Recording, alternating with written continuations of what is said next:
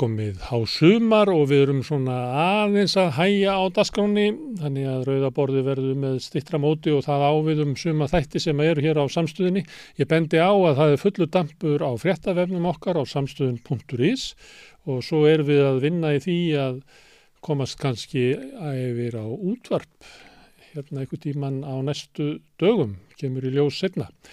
En hér á eftirröðaborðinu að þá verður þátturinn miðnætti í kænugarði þá ætla ég að ræða við Tjörfa Sjött um stöðun á vývellinum um uh, hvaða árif, svona hvernig stuðningurinn er við úgrænumenn. Úgrænumenn er alltaf að byggja um fleiri og fleiri vopn og er honlir svona langþreyttir á því að fá það. Við höfum horfa aðeins fram á veginn til fundar NATO sem að verður í næstu viku og munum halda þá sjálfsögðu áfram umræðunni þar.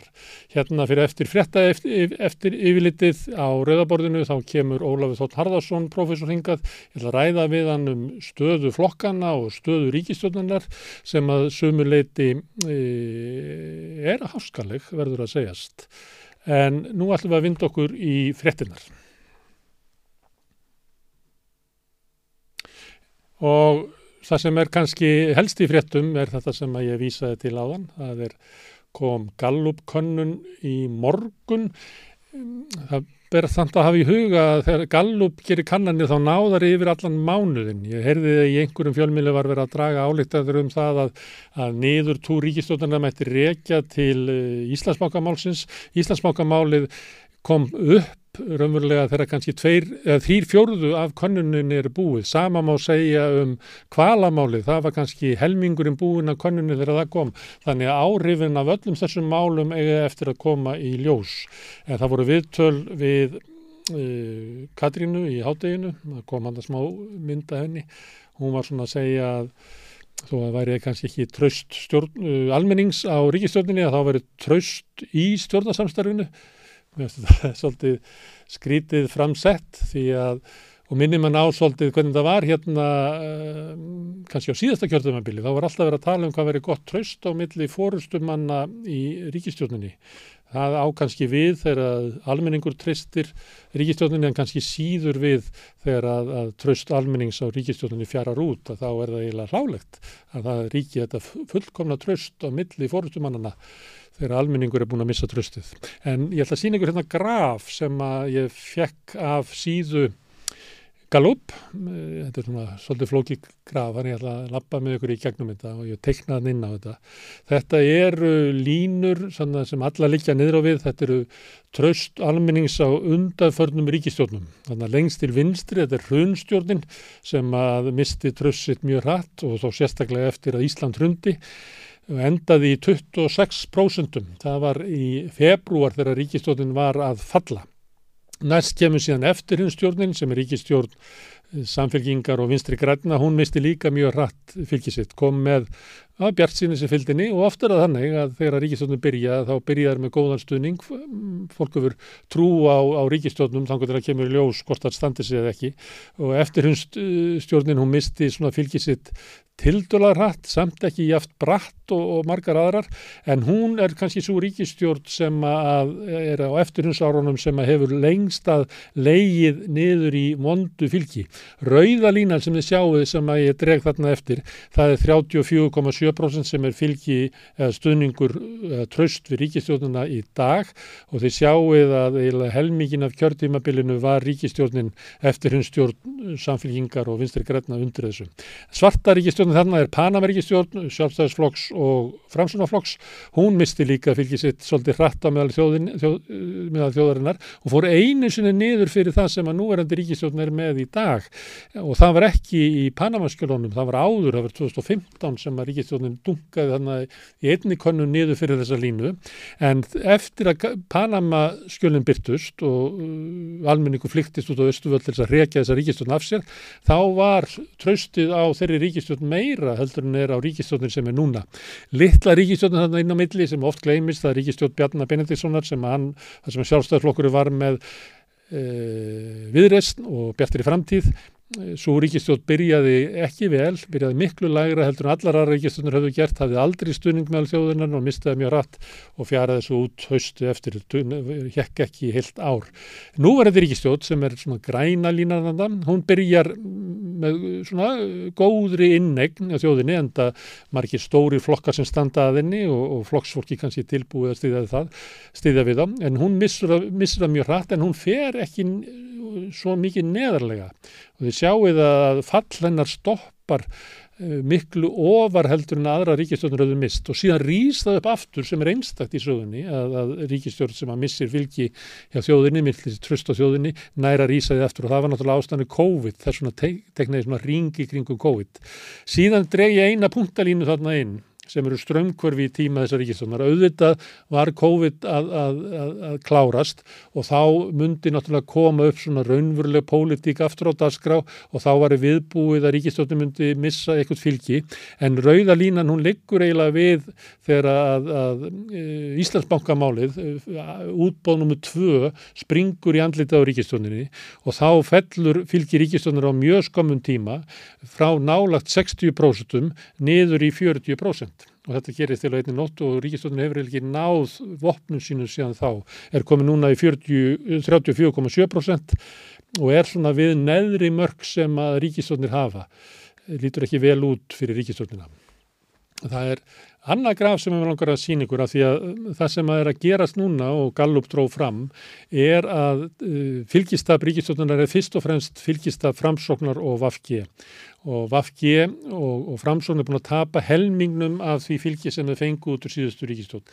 Þetta er kannski læsilegt graf en svona er þetta á síðu galup.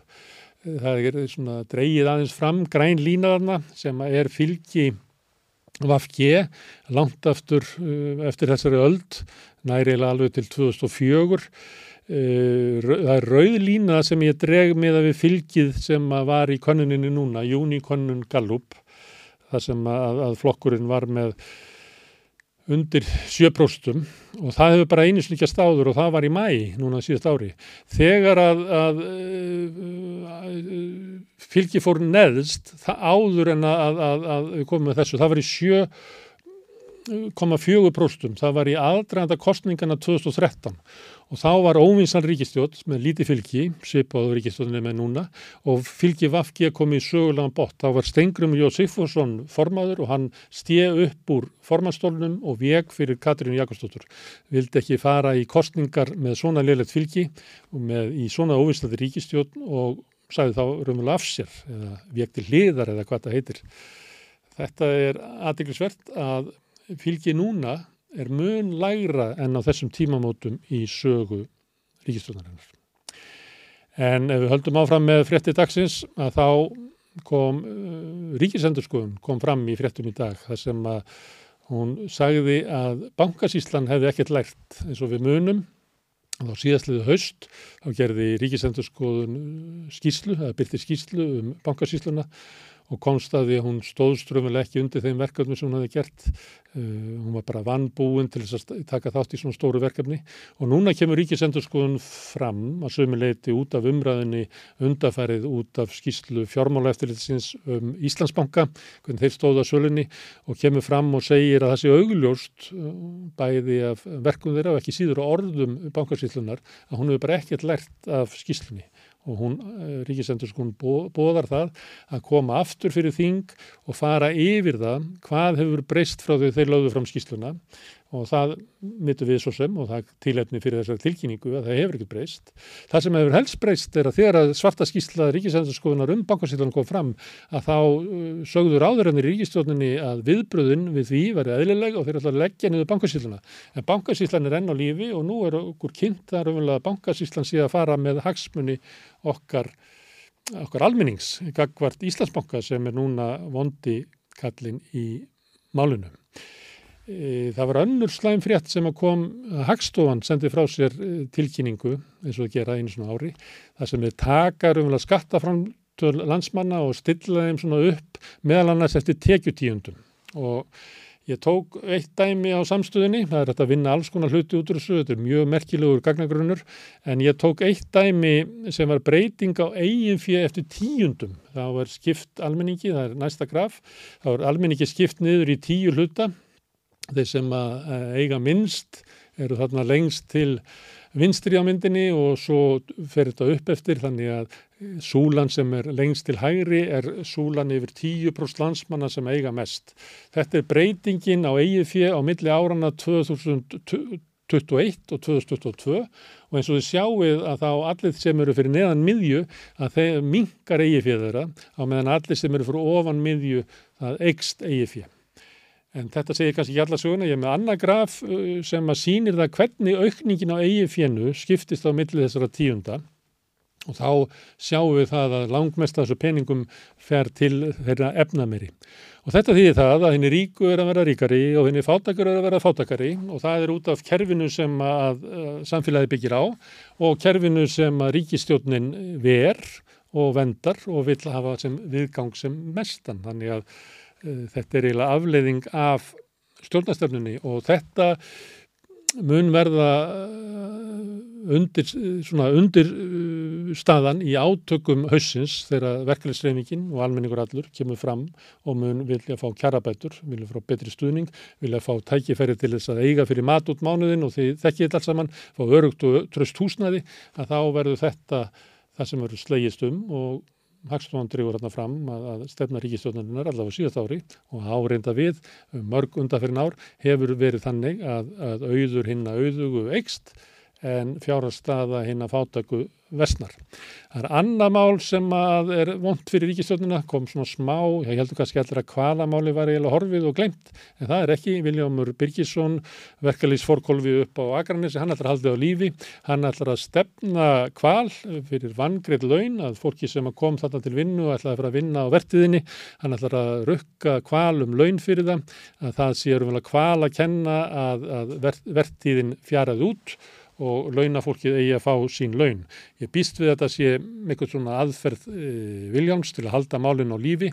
Hann sætti sig ílla við bannið og hann kvartar í samtölu við fjölmila um það að það sé ekki nógu mikil stuðningur þeirra á þingi sem að þykjast vera fylgjandi kvalviðum að þeir görspruðu þarna eitthvað í eina viku og síðan hafaði þagnað. Hann vil að, að menn berjist fyrir því að kvalvið í vertiðin verði sett á aftur en það er náttúrulega það sem að gæti grafið undan uh, ríkistjóninni því að þar er hver höndin upp á móti annari í kvalamálum. Það er einn frétt sem kom fram um sekt kredit info. Þeir voru sektaði fyrir það að hafa sett fólk að ástæðlausu á vanskilaskrá. Það var fólk sem hafi tekið smálán og þau fóru ídla með upplýsingarnar og drefðu þau víða og, og settu fólk í stórkostlega vanda.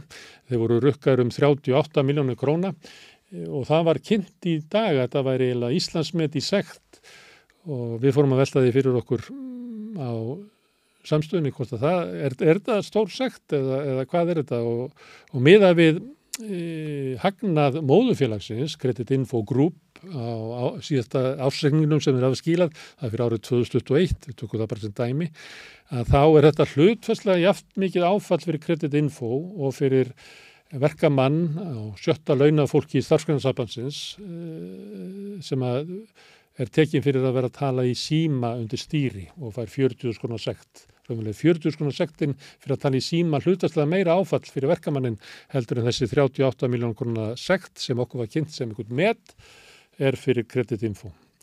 Það er hérna fyrir helgi að þá var hérna á samstöðinni við talum við hjólabúa, Geirdísi Hönnu Kristjánsdóttur og og Pascal Elisabeth skúladóttur þar sem þeir voru að lýsa því að þeir voru hrættar úr lögadalum og ykkur staður upp við hérna, ábyrðaveismuna í, í, í hérna, uh, hérna fyrir ofan bæin og þar sem þeir eru látnar búa eða parkera bílónum sínum, húsbílónum og tjaldvagnónum bara á, á steinstiftu svæði þar sem er eiginlega engin aðstæða fyrir þar Ég er að geta um þetta núna því að það var fjallað um þetta á Rúf í kvöld, þar sem var frétt um þessa aðstöðu.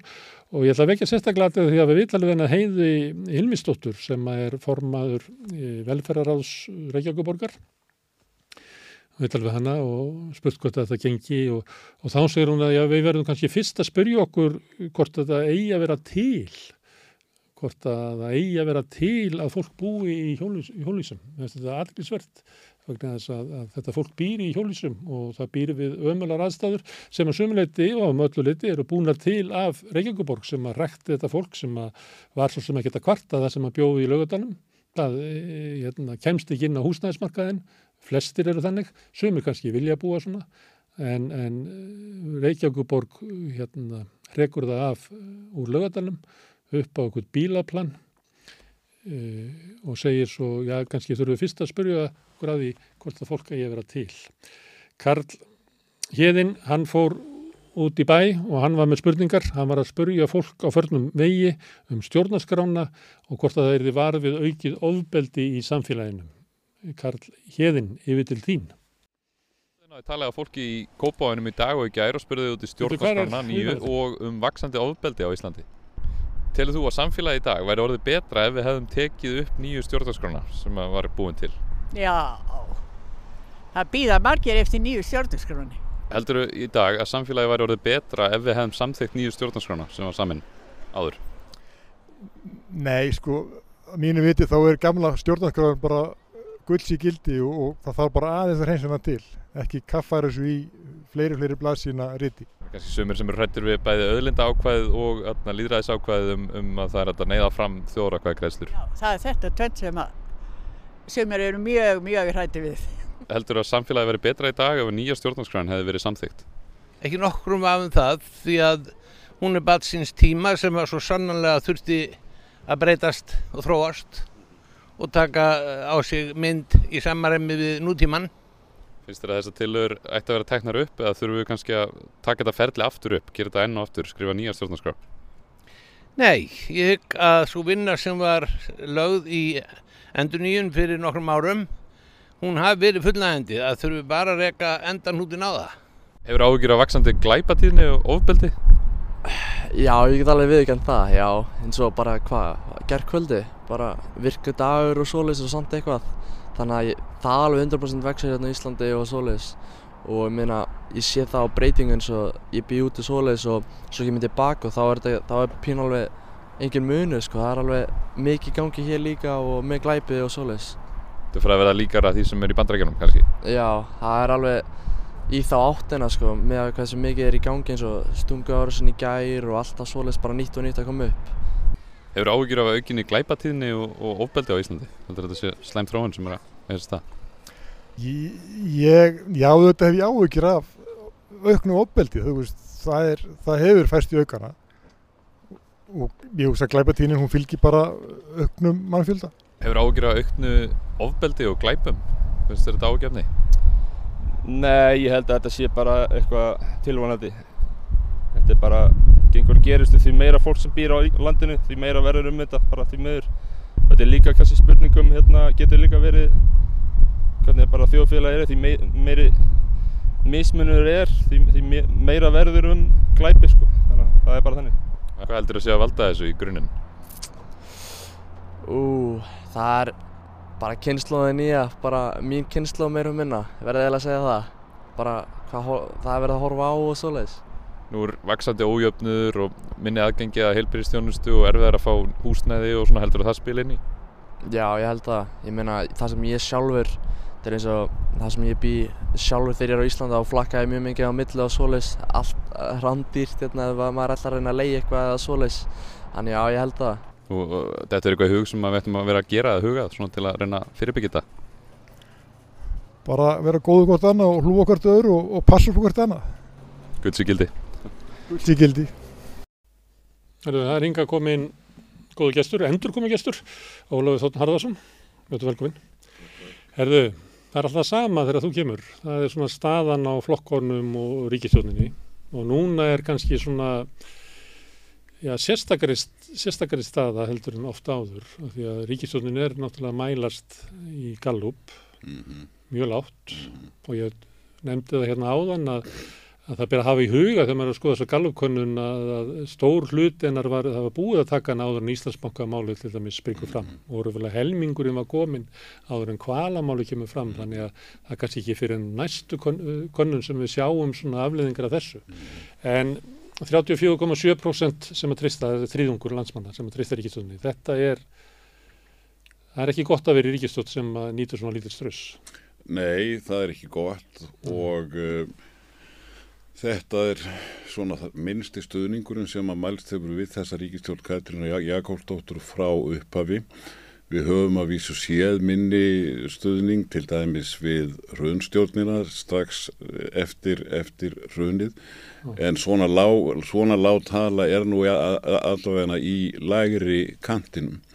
Hins vegar er þetta mjög kunnuglegt munstur og sko í rauninni þá getum við sagt að, að alveg frá hruni þá hefur fylgist þróun ríkistjórna bæði þegar að talað er um stuðningsmenn stuðningsmenn ríkistjórnar og eins sem aður leggur saman fylgi allra stjórnflokkana að þá hafa þessar kurfur verið sláandi líkar fyrir allar kostningar eftir hrun. Mm stjórnindar byrja allar nema, nema stjórn Bjarnabén sem fór aldrei yfir 50% mm. allar hinnar byrja í svona 60-80% stuðningi. Svona góðum óskum góðum, góðum og frómum óskum og bjart síni síðan þegar það er kannski fyrir að nálgast mitt kjörtímabil þá eru tölunar bæði fyrir stuðninginu við stjórnina og fyrir, fyrir hérna sameinlegt fylgiríkisóknarnar komið undir 50% mm. og heldur yfirleitt bara áfram að minka og endar með því að ríkistjórnin fellur í kostningum. Mm. Uh, eina undantekningin er ríkistjórn Katrínar 2017 til 2021 en hún var á nákvæmlega sömu línu mm. þegar að COVID byrjaði. Mm. Þá var, voru þessar tölur bæði um stöðningsmenn ríkistjórnarinnar og um sameinlegt fylgistjórnarflokkara komnar milli 40 og 50% og maður átti bara að vona því að það myndi halda áfram mm. og hún myndi falla eins og allar hinnar. Þá kom COVID og bjargaði. En, en þá kemur COVID og já að bjargaði þeim nokkuð öruglega því að mm. það er hmm. sjaldan sem maður hefur sér svona skýrasveblu að á sem sé e, tveimur eða þremur mánuðum eftir að pláan byrjar að geisa að þá fer Uh, stuðningur við ríkistölduna úr einhverjum uh, millir 40 og 50% mm. í 60% mm. og heldur þeirri tölu nokkurn veginn alveg fram að kostningum og fylgi stjórnarflokkana og raunverulega fram yfir kostningarna það eiginlega byrjar ekki að falla það kom smá COVID-gusa þarna snemma ást 2022 já, og svo Íslandsbákamálið og þá var hún bara eins og var í skotin á flugi Já, og, og, í rauninni ég ætlaði að segja líka mm. sem sé að í rauninni sko fylgistjórnarflokkana sameiginlega fór líka var í síðustu konunum komið um eða yfir 50% og endaði svo í einhverjum ríflega 54%. Mm. Síðan heldur hún í rauninni á ágættu fylgi til að byrja með, svona ég mann þetta nú ekki nákvæmlega sko mm. en vel fram á, fram á 22 en þá, þá hins vegar bara byrjar þessi kunnulegi ferill mm. og hann hefur staðið allan tíman og stendur enn. Mm. Getur ríkistjórnum snúið þessu við? Já, miða við þessa sögu þá er það auðvitað alltaf hugsanlegt. En eina dæmið sem við höfum um að ríkistjórn hafi tekist að snúa þessari þróun við er stjórn Katrínar 2017-21 og til, til þess þurfti hvorki meira nýmina einn heimsvareldur mm. og heimsvareldur er náttúrulega þýtti það í rauninni að öll pólitík snýris bara um COVID. Þannig að mm. pólitík eins og venjulega hún var bara tekinn úr sambandi. Hægri vinstri skipti engu máli þegar þú ert að berjast við, við heimsvaraldur mm. svona mestanpart þannig að ná, nánast sko flokkar sem þjóð óhullusta ef að þú andmælti stjórnvöld já í rauninni sko, já. þetta var svona eins og í lífveldisháttíðarkostingur En er það þannig, þegar maður skoðar hérna, því ég gerði það hérna í frétta yfirleitinu, þá fór ég yfir hérna myndina sem að þú kannast við sem að má sjá inn á Gallup, þar sem að maður sér hverja ríkistunum fættur öðru og það er alltaf bara sömu línunar já, já, sem að fara já, niður. Nema, Ó, nema, ótrúlega líkmynstur. Og þá er eiginlega spurningin, er tröst ríkistjórna þannig að, að þegar þú missir það, að þá nærðu því ekki aftur? Því að það er eins og þú benda á, þá er eina dæmið um það sem að rýsa upp aftur er, og þú þarft heilan heimsfaraldur til er er það bara þannig að ef þú missir tröstið að þá bara er vonlust að ná því aftur? Já, mynd skulum nú segja fræðumæðurum myndir nú segja vonlítið. En það er ekki hægt að benda á önnur dæmi ekki, ekki eftir hrun sko, ekki eftir hrun.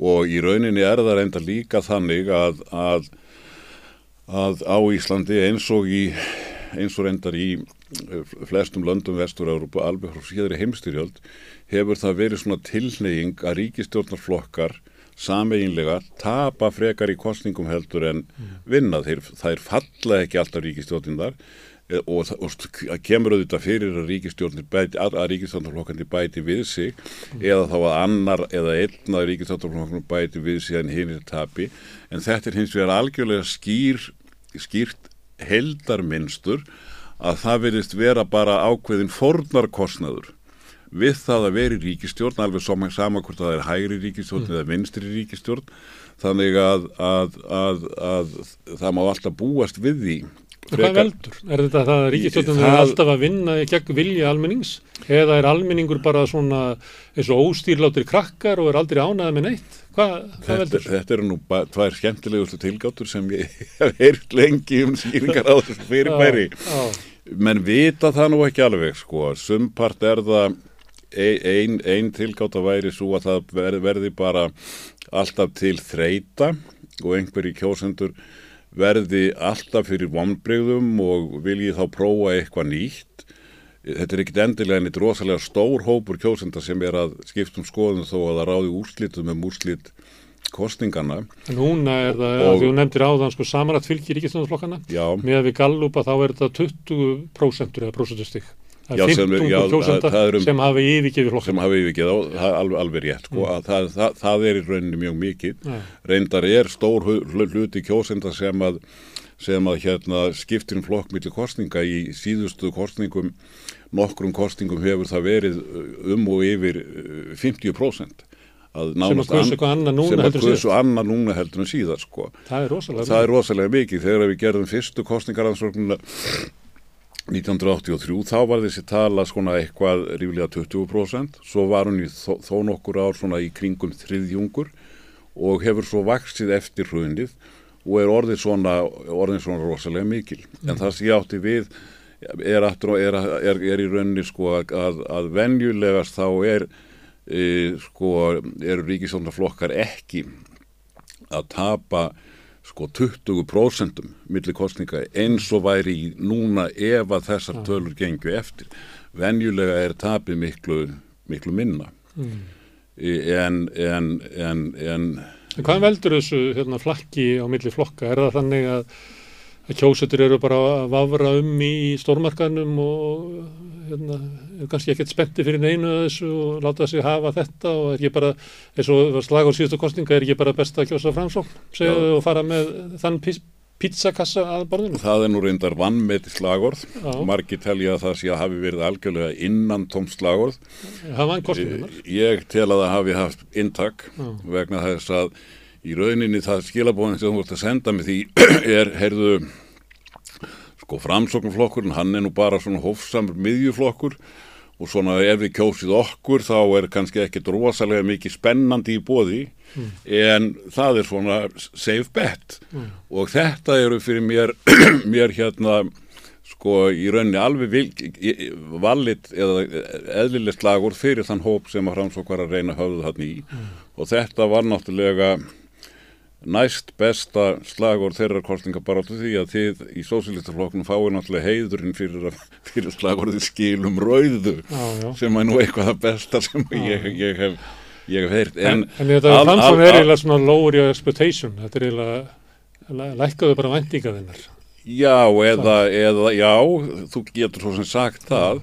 Þú ert ekki að þegar þú kýrst framsókn ertu ekki að kjósa hérna einhverja harðskeita hugstjónamenn út á kontunum mm. sem ætla að fara að görbylta í íslensku samfélagi mm. þú ert miklu frekar að kjósa bara stöðuleika og svona það sem er og að það verði engar stóra sveplur mm. og, og, og hérna þetta höfðar svona áherslu höfðar, höfðar til sko margra kjósenda á, á miðjunni en varðandi Það er skjótt aðeins inn í Ólafur af því að þú er svo fróður af því að uh, þú segir þetta að uh, við líka eitthvað svona öfgar, við Aha. mikla breytingar Mhm. þegar það er verið að spurja um svona einstök mál í konunum, þá Mhm. yfirleitt vill almenningu mikla breytingar Já, það er reyndar uh, að ýmsuleiti rétt hjá það, sko. Mm. Dæmi, um, dæmi um það er, er til dæmis kvótakerfið sem að áratugum saman hefur, hefur hérna, þar sem mikill meirluti hefur viljað gera breytingar á kvótakerfinu. meiri hlutin hefur viljað hérna nýja stjórnarskrá sem að sögur finnst alveg sko já, já, já, já, og það hefur líka ekki komist í gegn, sko. Þetta er í rauninni munurinn á beinu líðræði og fulltrúa líðræði að líðræði sem við erum með það, það er framkvæmt í gegnum fulltrúa í gegnum flokkanda og það þýðir að skoðanir almennings á einstökum málum fara ekkert nöðsynlega í gegn. Nei. Hins vegar hef ég nú séð rannsóknir á þessu sem ég held að hafi nú verið fyrir bandaríkin og þar gerist þetta líka að það er nú reynda líka skekt kostingakerfi en þar gerist það líka að, að mál sem að er mikill stuðningur meðal almennings við kemst ekki í gegnum þingið.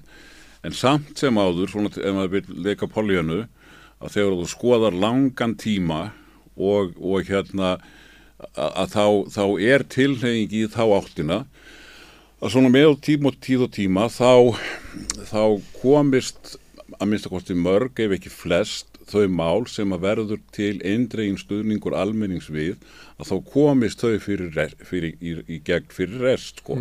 Það náttúrulega bygg, byggist meðalans á því að stjórnmálaflokkar eru á kjósendamarkanum og þeir hafa tilhengu til þess að laga sig með tíð og tíma að þeim skoðunum sem að almenningur, almenningur hefur. Mm. Þannig að það sem þú brannst fyrir sem ungu maður að það kannski rætist áður en að þegar þú ert orðin þegar þú orðin gammal maður. Ef þú ert heppin. Ef þú ert heppin.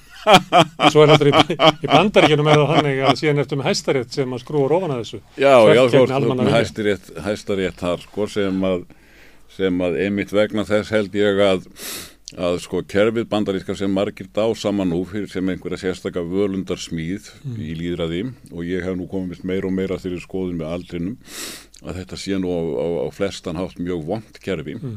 Þó að það hafi lengst að virkað príðilega fyrir bandaríkin en þegar það reynir á það eins og í bandaríkunum síðust 10, 20, 30 árin Mm. að þá koma gallanir svo berlegi ljós Mm.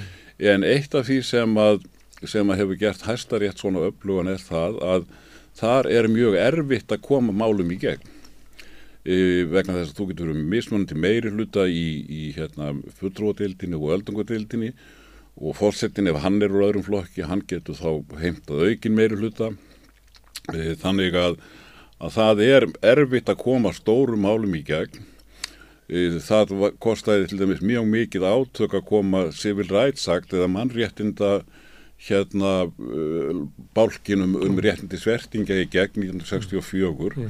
og það var í rauninni bara vegna þess að Lyndon Johnson sem að á margan hátt var nú mikill skúrkur Mm. að hann hafði svo góða svip og svo marga í, í þingir og hann, hann barði þetta í gegn sem að Kennedy hefði nú sennilega aldrei getað geta gert. Gegn vilja Eh, margra. og- Gegn vilja aðra fái demokrata úr söðrinu Já.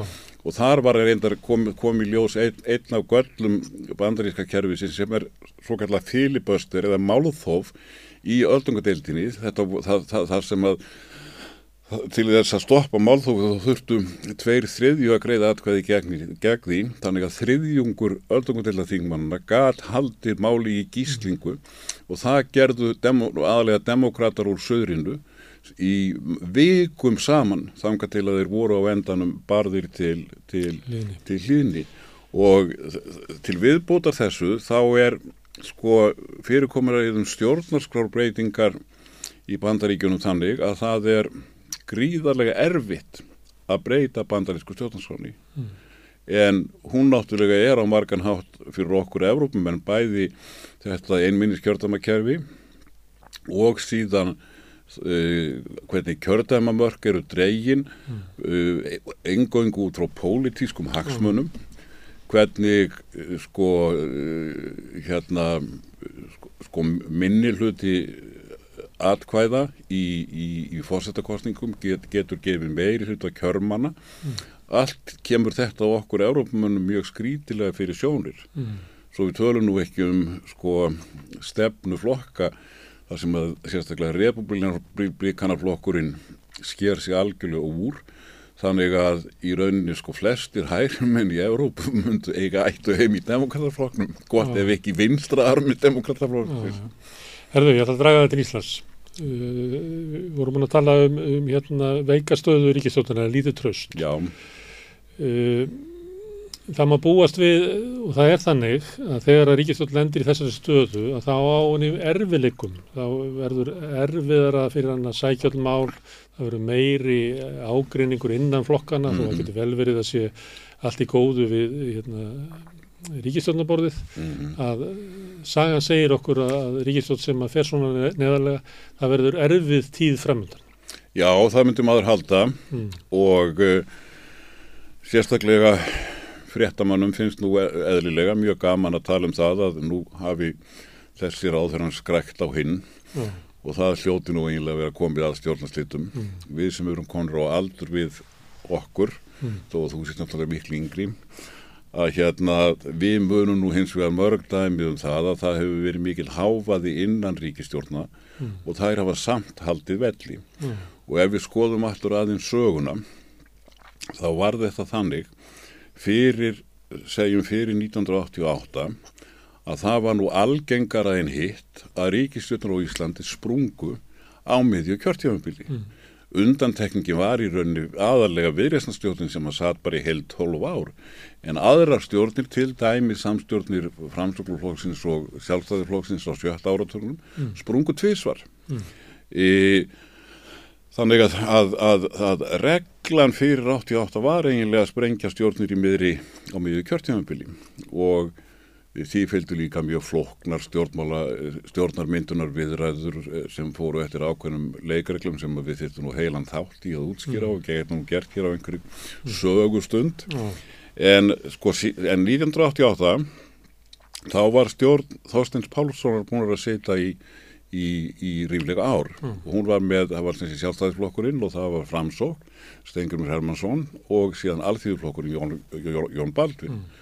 Hlutu óvanalega ríkistjórn, munstur sem er ekki mörg dæmum Já, ekki mörg, nei, ekki mörg dæmum Það væri nú helst kannski bara Stefania mm. sem var þá reyndar undir fórsæti Stefán Sjómans Krata. Mm en þeir náðu ekki saman um erfmarsmál og, og svo stjórn var nú sprengt í beitni útsendík á stöðu 2 sem mm. frækt var. Þegar að það átti nú að vera við, tal held ég bara við, við Stengrím mm. Og Jón Baldvin mætti bara í stúdíórið mm. og þeir slitu stjórnin í beitni útsendingu og voru náttúrulega augljóslega búin að sammælast um það að sprengja stjórnina mm. og það sem meira var, þeir voru nokkuð öruglega búinir að gera samkómuleg við Óla Ragnar að mynda að þessir tveir flokkar myndu svo mynda stjórn með í kostningar. Þannig að þessi stjórn springur, það er ekki farið í kostningar.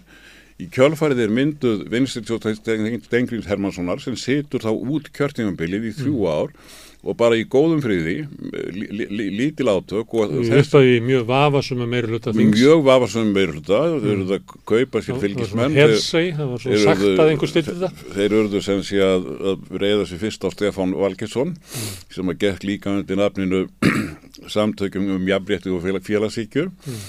en svo þurftu þeir að styrkja stjórnina og til þess sáu þeir að það var hægt að fá eh, borgarflokkin inn sem var undir fórustu Albert Guðumssonar en gallin var bara sá að Albert vildi ekkert fara í sannleik stjórn. Mm. og hvað gera, hvað gera bændur þá?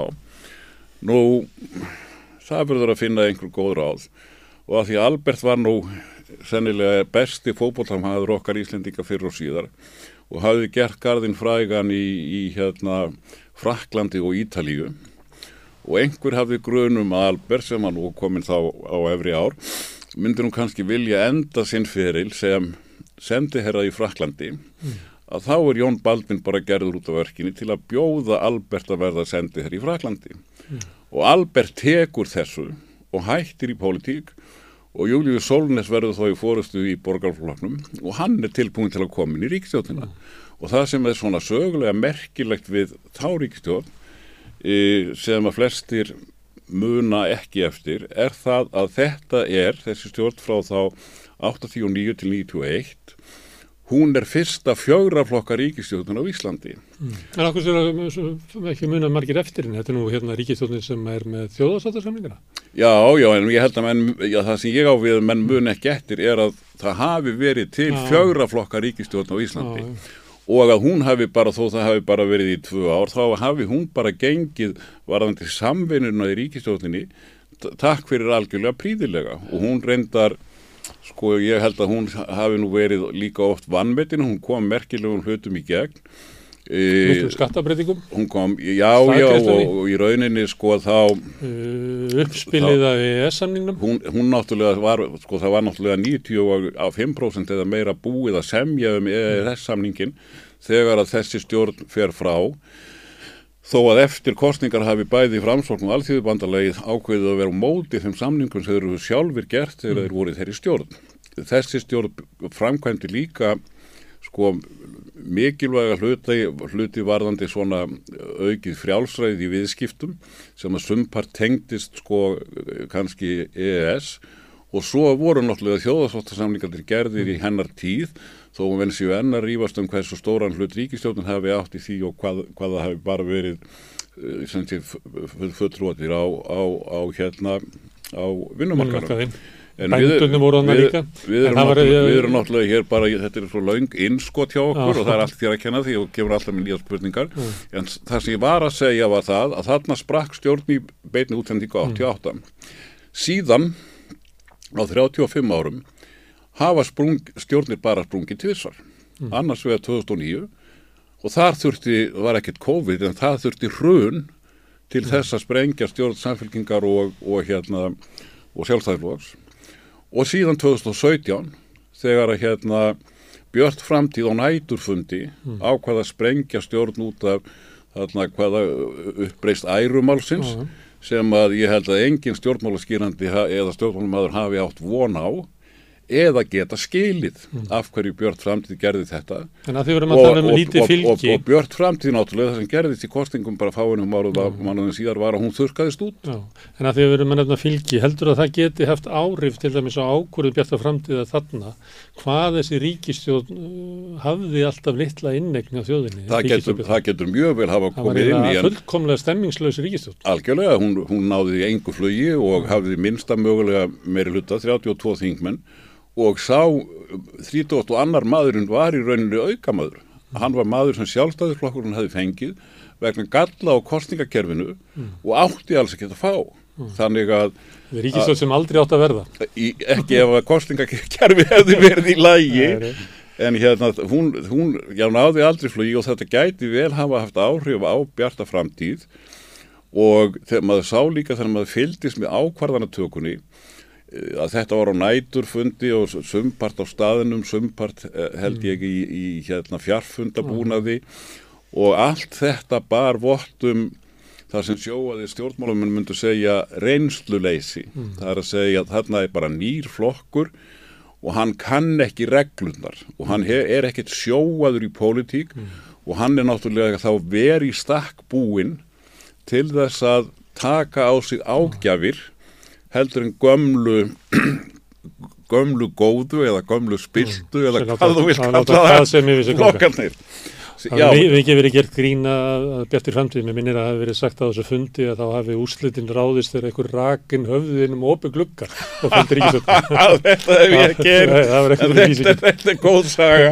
En herðu, af því að þú vilt fara svona í söguna Þegar það var hérna, ágreiningurinn í, í tengslu við ráðhæraskiptin, þá var mjög erfið vika fyrir ríkistjónina. Mm -hmm. uh, Öðsvöldlega hafði aldræðandi e, ráðhæraskiptana einhvern veginn farið ílla í græsrót sjástarflokksins mm -hmm. og hann mhm. kemur svona vígrefur inn í, inn í vikuna og, mm -hmm. og síðan kemur kvala ákvörðun uh, hérna, svandísar.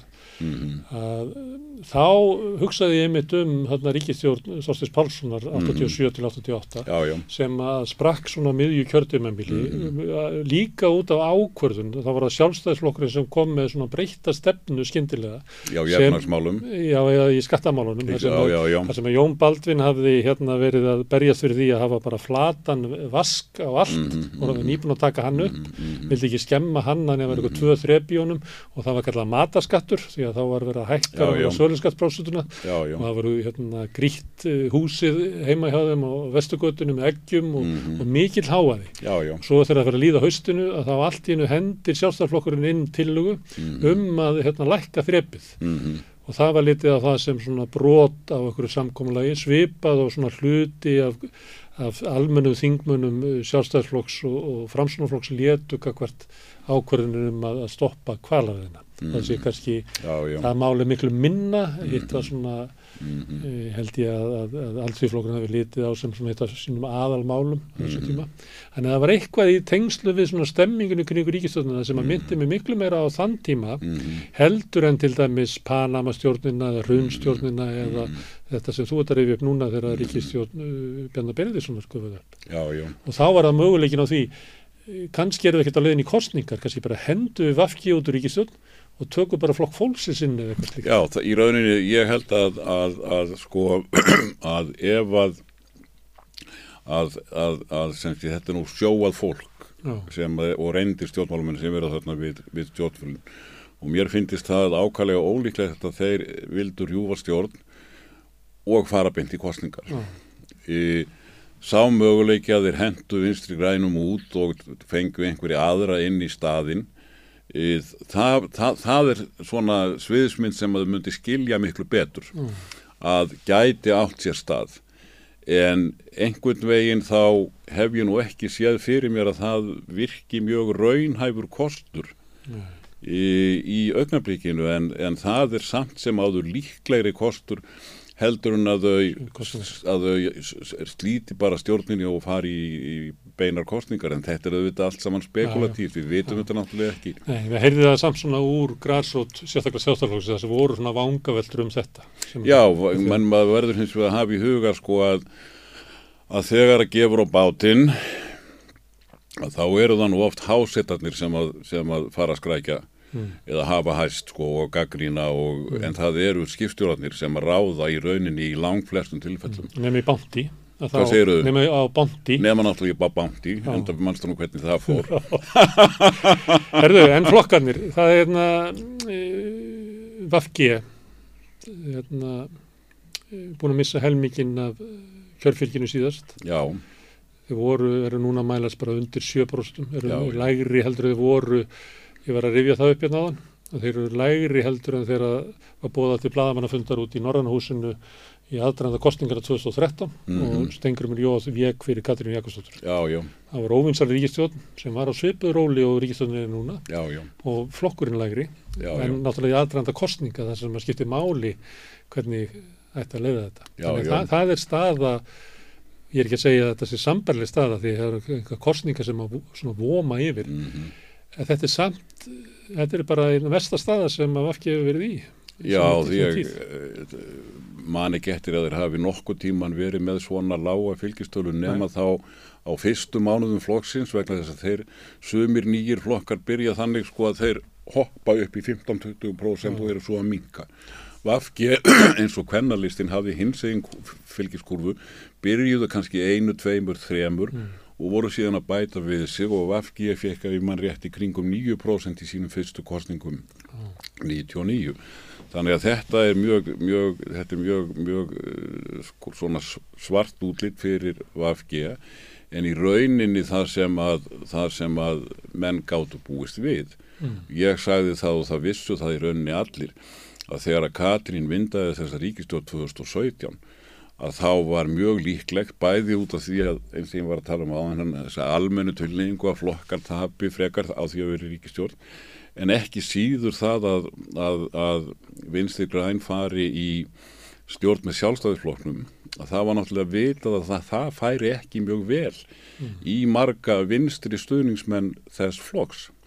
E, þannig að í rauninni þá velur flokkurinn það að vera í ríkistjórn og reyndar menn með ekki gleyma því og það er kannski tákgrænt líka að þarna fá vinstri sósílarsróðar á Íslandi í fyrsta skipti fórsetisráður að landsins. Og þegar við vorum strákar hefði náttúrulega engum dottir í huga að það gæti verið möguleiki.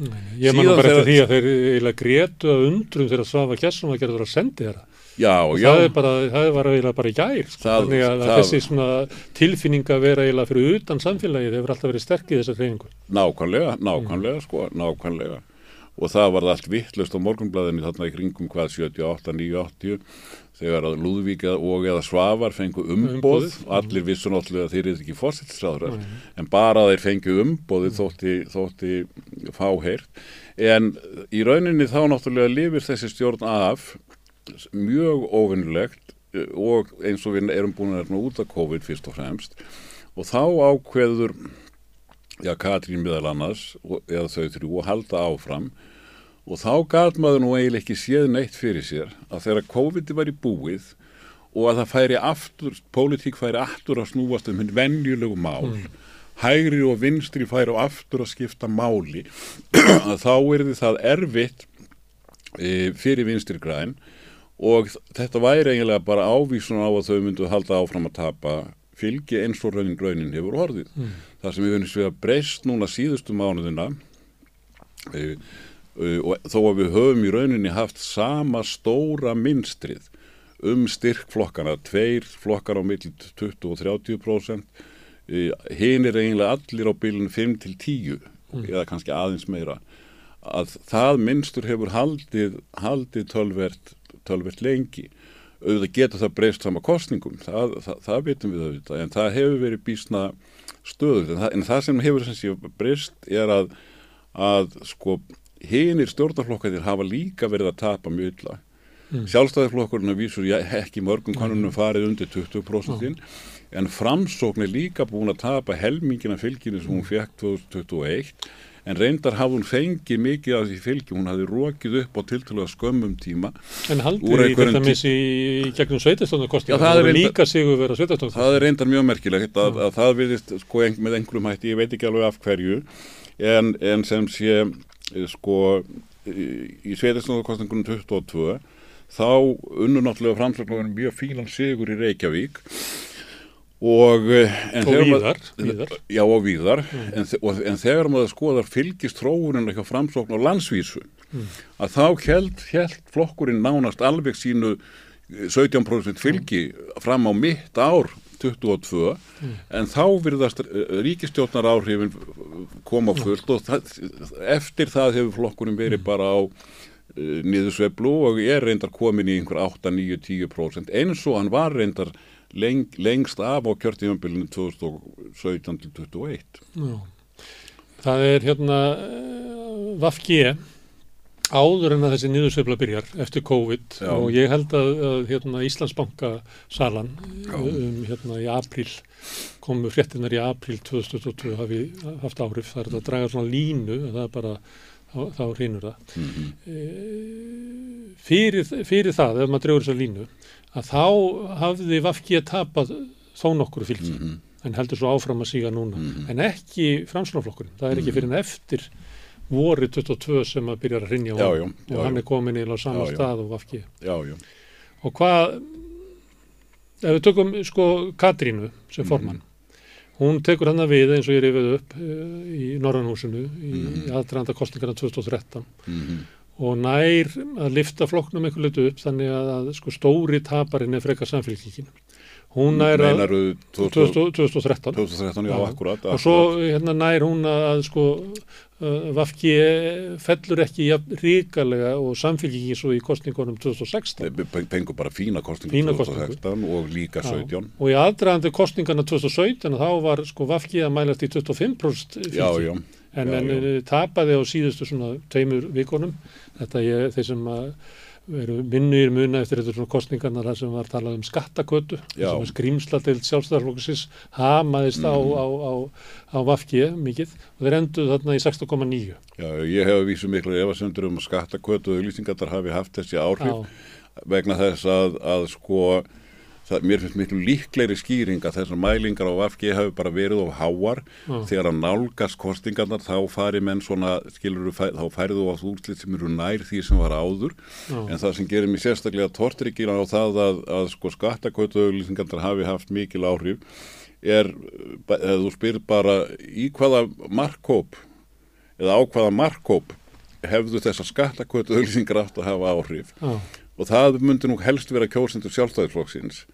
Og við vitum það að það er sára lítil, sára lítil reyfing þar á kjósendum milli sjálfstæðisflokks og, vinstri græna sko, en, en þetta er svona þetta er náttúrulega hefur skemmtigildi og, Já, og, og en uh, reyndar text sjálfstæðarflokkum oft og þú andmælir því ef að það er átt tekstunum oft að tala um tillögur um að leggja skatt á hérna allra best settu sem svona almennar skattahækanir og getur valdið svona óta í svona, hvað ég var að segja klassísku lástjættar fylgi sjálfstæðarflokksins til dæmis þar sem er óttast að, að þegar menn er leggja til þess að verið eðlilegi skattar á einum allra ríkustu að það eigi nú ekki að skatta á okkur öllum. Já, það, það er alveg hugsanlegt þetta, þetta er náttúrulega algengt skilur að, að, að flokkar sem að sjáum það til dæmis líka á republikonunum bandaríkunum sem að andæfa sérstaklega sko, tekjum á hérna ríkustu.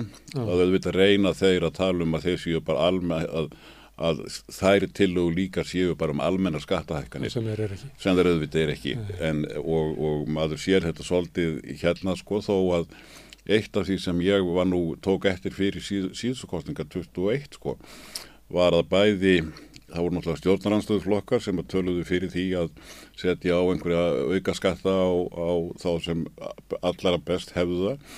En undir það var tekið bæði hjá ímsum í náttúrulega vinstri grænum og líka í framsóknarflokknum sem ég tók sérstaklega eftir.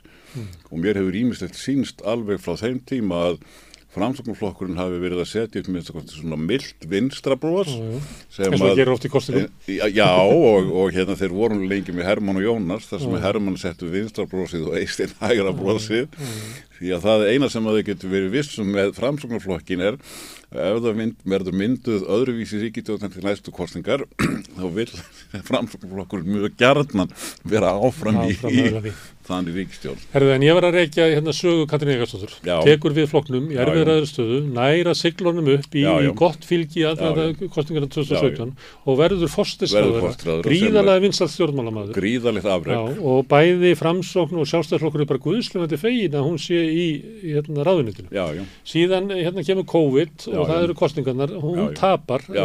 eh, það er framsóknarflokkur sem já, já, en vegna svona persónu fylgis hennar að þá sætta flokkarnir sig við það að hún sé að leiða já. þó svo það sé minnst í flokkurinn. Núna eru komna skoðanakannir sem sína það að þetta er flokkur sem að gæti bara falla út af þingi.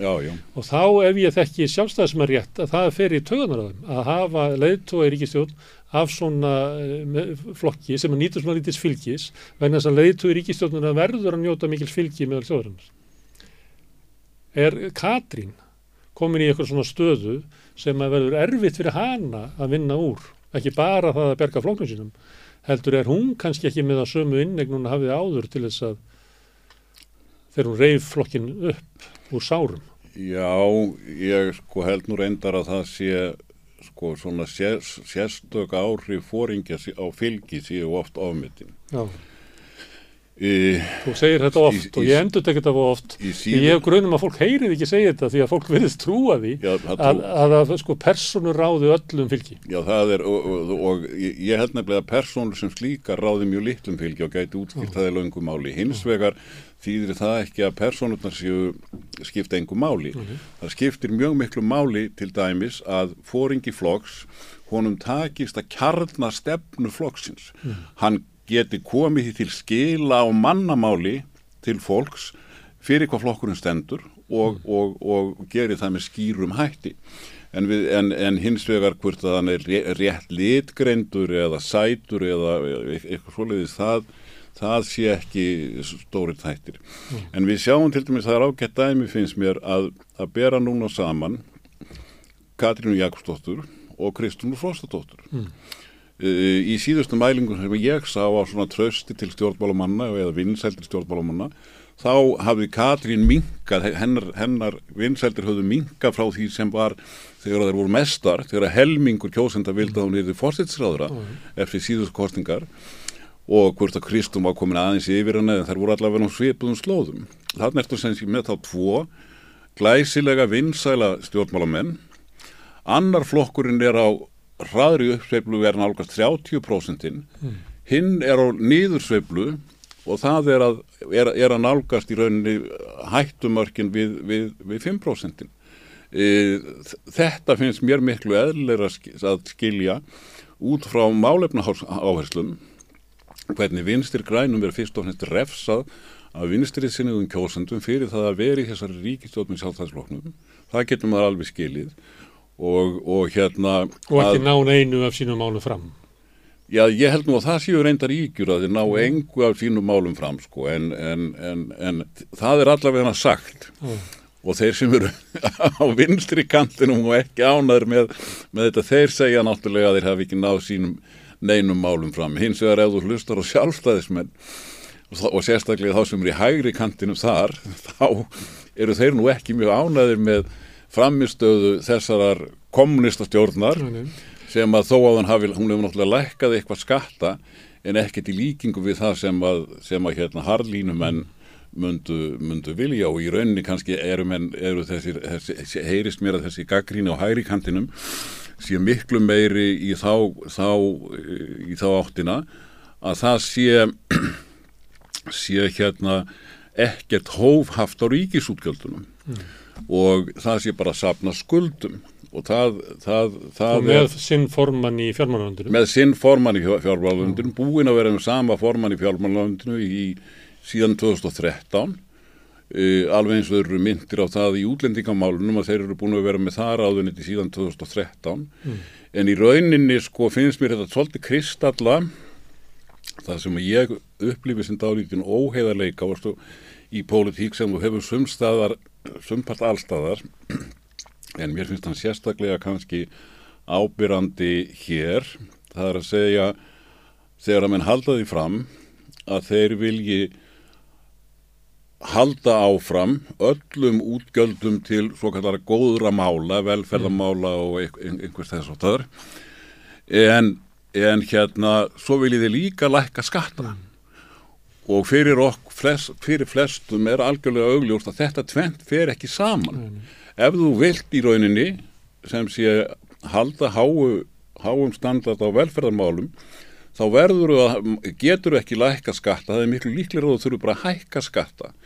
Og einhver vútu hagfræði sem maður heyrði hér á tímum nýfrjálfsegjunar að þetta væri allt í góður lagi vegna þess ef þú lækkaðir skattana þá mundu tekju ríkisós aukast svo mikið að, að það gerði meir en að bæta upp sko lækkunum og skattprósentu mm. Þetta er ennþá stefnaði sjálfstafsflokksins Þetta er náttúrulega bara ídeológia mm.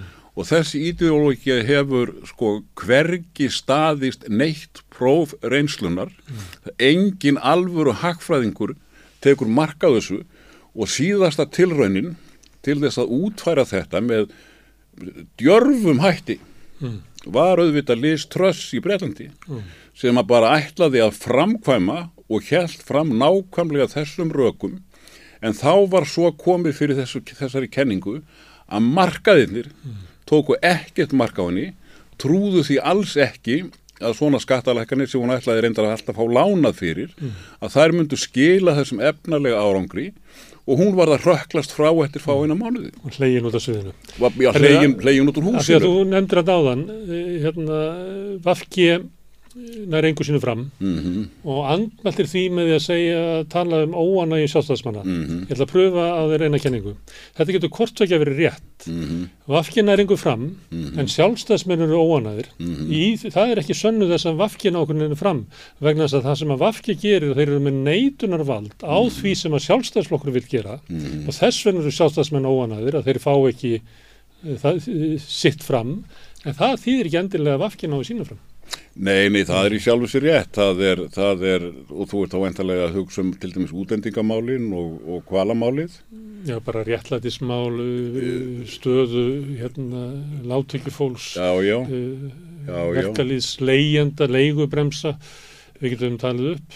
Þegar að ég var að tala um að, að, að það væri kannski ósangjant að vafkina eða engu fram sko þá var ég nú meira að hugsa kannski um ríkisútgjöldin mm. að einhverjir í sjálfstæðisfloknum og kannski framsók hefðu nú gætnan viljað sko til þess að ná jafnvegi í ríkisfjármjölunum ef, þú má ekki hækka skatta að þá náttúrulega þýðir það bara að það, það þarf að skera niður einhverstaðar í, í, í, í hérna almanna þjónustinni mm og vafgíamennir sem er verið þetta geta sagt, heyrðu, við höfum nú ekki bara sko verið á bremsunni í kvalamálunum, útlendingamálunum, við höfum líka komið í vekk fyrir að það er þið gengið að uh, þeim sem að þurfa að njóta almannaþjónu. Þetta er algeng rög vafgílið þess að segja, ímyndu hvernig þetta væri ef við værim ekki það. Já, það, þetta, og það er í rauninni mjög, mjög, mjög eðlileg, já, já. eðlileg viðbröð í, í, í þeirri stöðu. Það satt einhvern veginn svolítið veik framsetting stjórnmálaflokks. Sko. Já, já Já. Það verður að segjast.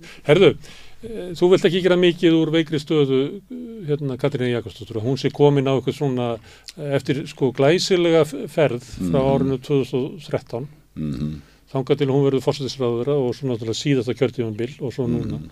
að þetta sé erfitt fyrir hana að hérna Ég, ég ger ekkert lítið úr því að, að hérna að þetta hlýtur að hafa tekið verulega á Katrínu og manni mm. finnst manni stundum sjáða á henni sko að hún sé nú kannski orðin svona trött og slíten mm. millir þess sem að hún brosir auðvitað og er tappir og, og, og ekki síst hjármaður á erlendum vettvangi þegar hún er að hitta aðra þjóðarleituga og hún gerir það sem sé ennþá alveg, mm. alveg, alveg Þeir eru ekki að skammanna fyrir að sérstaklega glimrandi Þeir eru ekki að skammanna fyrir að geta skýt með sjóttalum Nei, þeir eru þeir eru að rósenni fyrir að vera með NATO í Ukrænustríðinu Ég ætla að segja aðra hetjusögu sem er Sigurður Ingi sem að teku við sem fórsættisráðura í Panama-mánunum 2016 já, já. Uh, vill halda áfram með flokkin mm -hmm. vinnur Sigmund mhm. Davíð mm -hmm. í kostningum uh, gengur svona og svona en hann er með kl svo klopnar flokkurina í höndarum á en síðan kemur sko, og hann komið með flokkin, þú varst að rifið upp mm. bara í 8% í skoðanakonunum í aðræða kostninga, já, já. en hann síðan rýfur flokkin síðan upp já, og eiginlega næstuði gengur af miðflokknum döðun í kostningum miðflokkur er bara rétt slappin á þing. Þannig að Sigurður Ingi er hérna kongurinn búin að hérna, vinna allt en síðan einhvern veginn bara á eða tæpu ári mm -hmm. að þá er hann bara í frjálsu falli og, og, og flokkurinn lendur eiginlega í jafnvondum álum, hann er í 8,8% í galab núna. Mm -hmm. sem þú Davíð er í 7,2 þannig hann er byrjað að andi í nakkan á hann aftur. Já, já. þetta er eins og í rillingsmyndum þú er bara að drepa, skrýmslið en þá rýst það upp aftur. Já, Hva, hvað gerir Sigurður Rínd? Þetta er svona þrýhafðað þurs já E, já, það hefur, miðflokkurinn hefur aðeins verið að rýsa í konunum undanfarið mm. e, en aðalmálið er náttúrulega bara að framsönguflokkurinn hefur verið að fara, fara niður. Ég held að þetta sé í sjálfur sér sko bara þau kaup á eirinni sem við getum búist við sérstaklega þessi árin að, að, að það er þessi reyfanleiki á kjólsendunum og þó að flokkarnir sé að fara svona upp og niður mm. að þá er ekki endilega á því neyn sérstök skýring.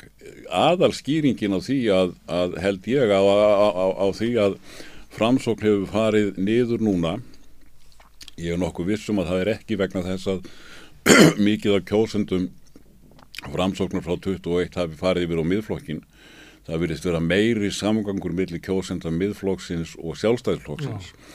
Já. en sko þegar að, að, þegar að samfélkingin fer úr hvað tæpum 10% í 28% þá koma þeir kjósendur náttúrulega einhver stað frá. Og við vitum svo, svo sem ímislegt hvaðan hvað þeir koma. Þeir koma að þölverðu leiti frá VFG áraðanlega mikið af því fylgi sem að VFG hefur tapað hefur farið til samfélkingurinnar hugsanlega kannski eitthvað líka til sósilistaflóksins eins og gerðist sko í síðust kostningum en sósilistaflokkurinn hefur nú verið á svona í, í kringum 5% mm. þannig að hann hefur ekkert verið að bæta neitt rosalegu við sig frá síðustu kostningum. Þetta er eiginlega sagan er svo að sko ríkistónarflokkanir hafa allir tapað, Vafki og Framsókn mestu, sjálfstæðarflokkurinn Já, hlutaslega minna Já, og svo er flokkur fólksins tapað. já, já, Allur þessi ávinningur fer til samfélginginu. Flokkarnir sem að, hérna, er bara óbreytt að frétta, það eru sósialistar, viðreisn og píratar. nákvæmlega, nákvæmlega. Og auðvitað eru alltaf færstur sko svolítið í allar áttir Já. en megin ströymurinn hefur greinilega leigið sem sé frá vinstri grænum og þá, og svo, og þá framsók til Já, samflingarna. er ekki bara best að kjósa raun- framsókfylgið er líklega hjá uh, samfélgingunni í dag. Það er mjög líklegt. Það er mjög líklegt Er ekki bara best að kjósa Kristrúnu? Já, já, það er, það er sko, það, og það, það því að þó að hún sko, ég hef nú ekki trú á, á, á því að karaktereinkenni lit, þó hann ein, ein og sér eh, skipti málið, þá hefur Kristrún líka framkvæmt í rauninni róttæka áherslubreitingum þar sem að hún orðar þetta þannig að hún vilji leggja meiri áherslu á kjarnamál klassískrar jarnaðastefnu Og, þau mál sem að brenna á fólki. og í rauninni þau mál sem brenna á fólki, velferðarmálin, helbriðismálin, félagsmálin, eitthvað þess aftar, húsnæði. Og láta frekar önnur mál, mál sem að stundum eru, eru köllu mál góða fólksins, mannréttindamál ímiskonar, útlendingamál, Evrópusambandið, eh, ekki að flokkurinn skipti um skoðun á þeim málum, heldur seti hann það ekki í sama forgang eins og hann gerði áður. Og þetta og líka það að hún er náttúrulega nýtt andlit sem getur skipt máli. Og að hún er líka fyrir minn hatt uh, alveg eins og Katrín alveg sérstaklega hæf í rauninni eh, í því hlutverki að koma skilabóðum á framfæri. Og mér hefur fundist uh, Kristrún hún minnir mig stundum á, á Jón Baldvin. Í, í, í varðandi það varðandi það varðandi, var ég þegar ég var blaðamaður og þá þegar maður talaði við Jón Baldvin þá gæti maður skrifaði orðrétt upp eftir honum. Það var alveg einstakur maður. Það var þess alveg glata að taka viðtal við Davíð Oddsson því að hann kláraði aldrei inn að setninga. Það var meiri já. áttar hausverkur að sjóða eitthvað upp úr þessu. Má bara tala við hann. þá hefur þú bara En þú gæst bara kveikt á tækinu og Jón Baldvin talaði þetta í sko greinaskilunni. já, já, eins og, eins og Ólafur Ragnar kannski Já, já. En að munurinn var sá að því að hérna, Ólaf Ragnar sagði eitthvað, já, býtu, já, hvað, hérna, já, ég nú var að, var að, hérna, ég er bara, ekki- má ekki hringið þetta í smástund, hvað er spurningin? Þannig hann fóð alltaf að skrifa hana, svo ringdi hann tilbaka og sagði, heyrðu, já, ég kom með svarið, og þá svaraði, og svaraði vantanlega annari spurningu heldur en þeirri já. Hann en það sem ég ætlaði að bera saman með hana Kristrúnu og, og hérna Jón Baldvin sem að sko, ekki mjög margir stjórnmálum eru uh, mjög góðir í. Það er annars vegar að tengja í svari sko, þau dægur mál sem þú ert að tala um segjum til dæmis húsnæðisvandan eða uh, hérna vísitöluna eða, eða einhver, einhver efnahagsmál að fjalla bæði um það og tengja það síðan sem hún gerir eiginlega alltaf að reyna að útskýra kannski einni, tveimur aukasetningum hvernig þetta tengist þeim kjarna mm. jarnaðastefnar, hugmyndafræðinar tengja þannig að, að þetta finnst mér hef ég engan síð að gera jafnvel á vinstri vagnum eins og hún síðan að Jón Baldvin því hann gerði þetta mjög gerðan og gerði það með miklum, miklum sóma. Herðu, e, þú ert af góðum og gegnum krataættum úr Hafnafyrði, Já, ég get nú ekki neita því. Já, sem að mörgum þykir vera mjög fínt, þó að aðri vilja segja kannski að krataættir frá Ísafyrði svo ennþá betri. Já, um þetta standa helstu deilur hafnafjörðarkrata, gamalla hafnafjörðarkrata og gamalla Ísafjörðarkrata þegar Já. þeir hittast í sangkvæmum Já. Ég sá það í könnuninni í Gallup sem er náttúrulega, maður, það vill svo til að fylgi samfylgjingar er nákvæmlega sama í mæ og júni mm og það gerist líka í Gallup, nei, hérna í maskinu. -hmm. Heldur að, að þetta sé toppurinn, 28,4 ef ég maður rétt? Ég hef nú við, almennt verið þeirra samfylgjingi gæti ekki farið upp fyrir 30? ég hef nú almennt verið þeirra skoðunar sko að, að líkurnar á því í þessu nýja flokkakerfi Mm. þar sem þú ert með flesta flokkana á bílinu 5-15% að þá sé það frekar ólíklegt að nokkur flokkur geti farið upp fyrir 30% múri. Það er hins vegar auðvitað ekki útilokað. Ég meina eh, það, það, við höfum séð það til dæmis í Skandinavíu þar sem að sko, svipu þróun hefur átt sér staða sem stóru flokkarnir hafa orðið minni og krataflokkarnir sem voru oft með 40% verða bara í sæmilu ára sig við 25, 6, 7 að þar kemur það ennþá fyrir að einhver flokkurinn skýst réttu fyrir 30 og það gæti auðvitað gerst. Ég, en, en sko við vitum náttúrulega almennt að að skoðanakannir á miðjukjörtímabili eru léleg forspáum mm. það hvað gerist í kostningum. Og mjög algengt að eitthvað flokkur eða visti svona uh, píratanir gerði þetta. Já, það ég ætlaði að nefna sérstaklega. Ég vísaði á Vafgi áðan sem fór upp í 25 hérna eftir Panamaskjölinn. Það er mörg dæmi um svona, já, það, já, það er eins og sko, skútan einhvern veginn leggji við var hjá einhverju flokki. Já, það ger, sko,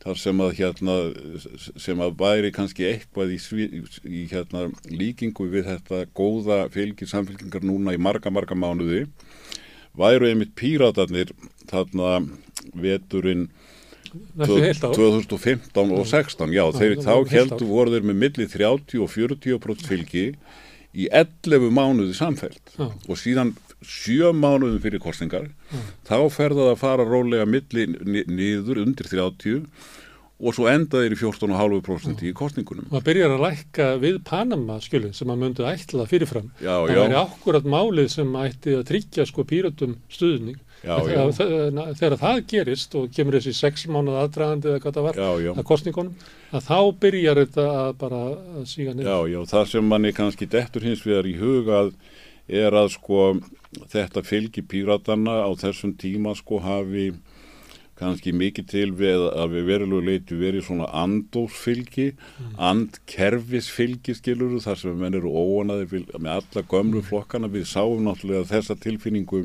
þessi tilfinning hefar greinlega meiri eftir hrun heldur en fyrir hrun og hún byrtist með glæsilegustum hætti náttúrulega í, í hérna sveitarstandakostningunum 2010 þegar að besti flokkurinn sem að menn held að væri nú bara djók, fekk bara þriðjum gatkvæði Reykjavík mm. og borgarstjóran mm.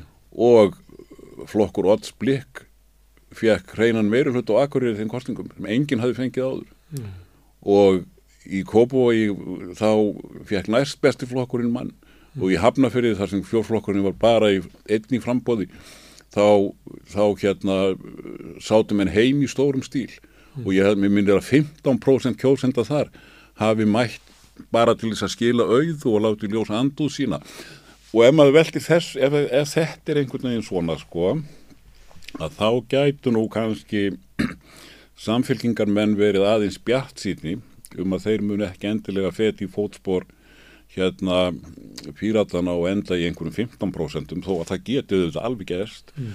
Eh, því maður myndi kannski halda að, að þetta fylgi sem þeir eru að mælast með núna sé ekki samskonar skiluru andkerfis eða, eða almennt andúðar, andúðar fylgi þó að maður viti það náttúrulega ekki. Herðu langar að koma eitt málið upp út við erum múin að setja lengi það er svona eina ráðgátunum sem að mér finnst verið í politíkin í dag þegar maður horfa á svona mm -hmm. flokkana á milli að þú tókst það fram að hérna Kristrún hafi breytt um svona áherslur í samfélgingunni mm -hmm. meðal annars hægt að leggja Evrópumálinn svona framanna mm -hmm. fyrirfram hefur líklega margir spáð því að þarna væri stóra tækifæri viðreysnar til að vaksa já, já. en það sem gerist er að viðreysn vex ekki já, þá er það tveir kostir og þú kannski kemur þriðja ef það líkar ekki þá annarkort var Evrópumálið aldrei svo stort mál mm -hmm. eða það er eitthvað aðviðrest að, að jáfnvel þessi gjöf sem er fáð frá samfélgjíkunni sem að margir hefðu spáð að væri svona íla átomatist svona 2,5-3% sem að kemur til þeirra mm -hmm. dugar þeim ekki til þess að auka fylgi. Þeir eru meira þess að undir kjörfylginu. Mm -hmm. og það sé nú svona í síðustu galupkonun en það er fyrir flokk sem er í stjórnarhansstuð er það ó, svona ekki gott. Á mhm. móti mjög óvísaldi ríkistjórn sem er í frálsu falli að vera eiginlega bara við kjörfylgi sitt. Og það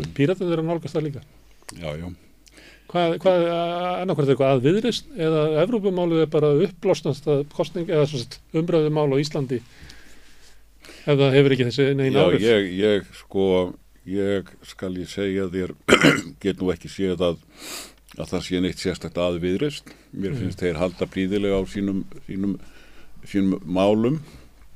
Hins vegar þá held ég að, að ef við skoðum bara söguna alveg frá því að, að sko Evrópumálinn fara að komast hér á dagskrá e, í fyrrnemdri vinstri stjórn með, mm. með borgarfloknum þegar að, þegar að Ríkisvöld Stengri Hermannssonar var nánast búin að semja okkur inn í Európsambandið, mm. þá hefur verið svona allur gangur á því hvort að, hvort að hérna, þeir sem vilja ganga í Európsambandið eða ekki, hvorir eru stærri það hafði núna lengi sem sé eftir, eftir hrunið sko verið hafðu þeir verið heldur fleiri sem vildu ekki fara inn, heldur þessi vildu fara inn, áður hafði það verið öfugt og síðustu mánuðina hefur það líka verið öfugt þannig að nú eru þeir fleiri, hafaði verið mm. fleiri sem vilja fara inn.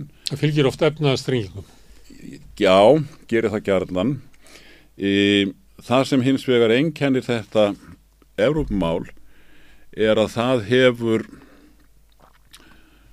aldrei, eða með skosti nánast aldrei verið meðal aðal kostningamáluna mm. og þegar að kjósendur eru spurðir eftir kostningar hvað, hvaða mál sé þeim eftir í huga eða þetta er til í mikilvægast þá hafa Evrópumálun alltaf skorað þar til til að mjög látt eina skipti sem ég man eftir því að, að hérna að hérna Evrópumálun hefur verið sett sérstaklega í aðal kjóróð flokks var 1991 mm. sem var nú nokkuð há, háðulegt vegna þess að þá var, var hérna ríkistjórn Stengrims nánast búin að semja um samningum um aðild að Európska efnarsvæðinu og í staðin fyrir að rosa sér að því í, í, í kostningabaratunni þá kom Stengrimur með slagorðið XB ekki EB mm.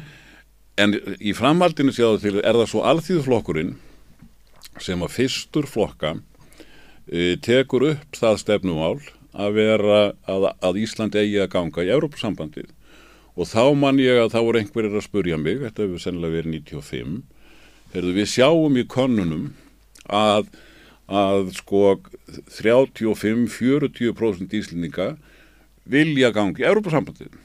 E, Alþjóðflokkurinn er einu flokkurinn sem að býður upp á þann kost, er ekki líklegt að hann fari fljúi með heiminskautum. Mm. Og ég sagði nei, það er ekkit örugt vegna þess að í kostningum þá forgangsraða kjósendur málum.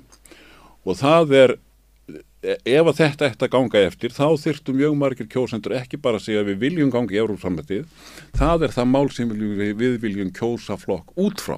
Mm.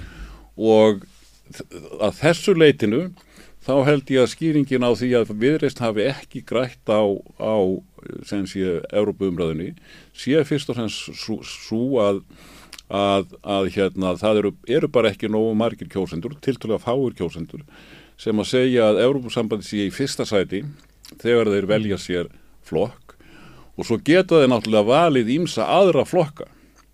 Þeir geta til dæmis alveg valið samfélkinguna uh, vegna þess að hún hefur í raunin ekkit breytt um stefnu þannig að ef að viðreysn og samfélkingin færu saman í ríkistjórn það væri meiri hluti í, í, í ríkistjórnarflokkum fyrir umsókn, að, að, umsókn um ESB eða endur nýjaða umsókn um ESB þá held ég að þetta engum í huga að samfélkingin myndi ekki vilja vera til í það mm.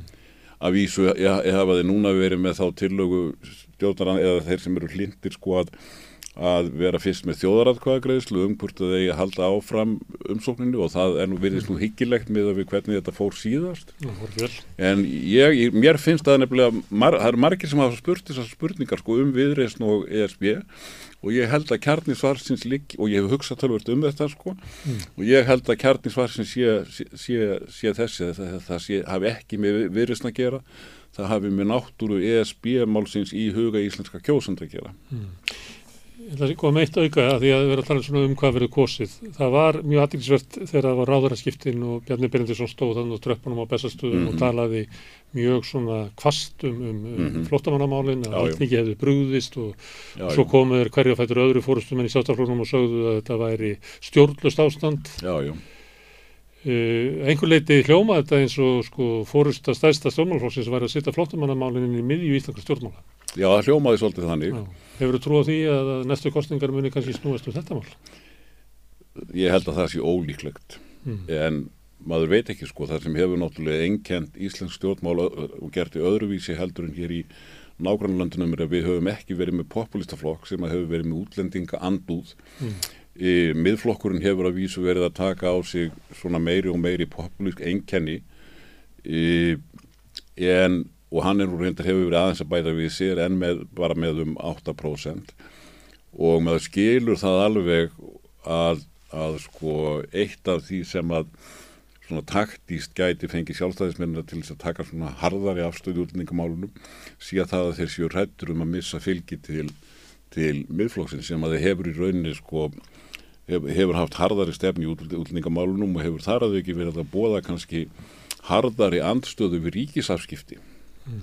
heldur hann sjálfstæðisflokkurinn þannig að hann er í rauninni í þeirri, kannski í þeirri stöðu að miðflokkurinn gæti sótt eitthvað til hans miðflokkurinn er til dæmis En þetta er tvíbent fyrir þess að ef sjálfstæðarflokkurinn leggur áherslu þessi mál og setur það á dasgrá að það er eiginlega óskastaða miðflokksins sem við getum þá sagt að við erum þessa stefnu en við byrjum ekki ábyrð á stöðunni sem að sjálfstæðarflokkurinn ber ábyrð það, það, er, það, það getur verið mjög tví það er mikið til í því og, og, og, og í rauninu náttúrulega ef að sjálfstæðarflokkurinn tekur hardari stefnu í þessu málum að þá náttúrulega tekur hann áhættu á því að missa einhverja frjálslindari og miðjúsæknari kjósendur mm. yfir til viðresnar eða, eða samflingarnar því að, því að í rauninni er náttúrulega mjög stór hópur eh, sjálfstæðismanna, kjósenda sjálfstæðisflóksins sem af aðhyllist frjálslinda útlendingastefn mm.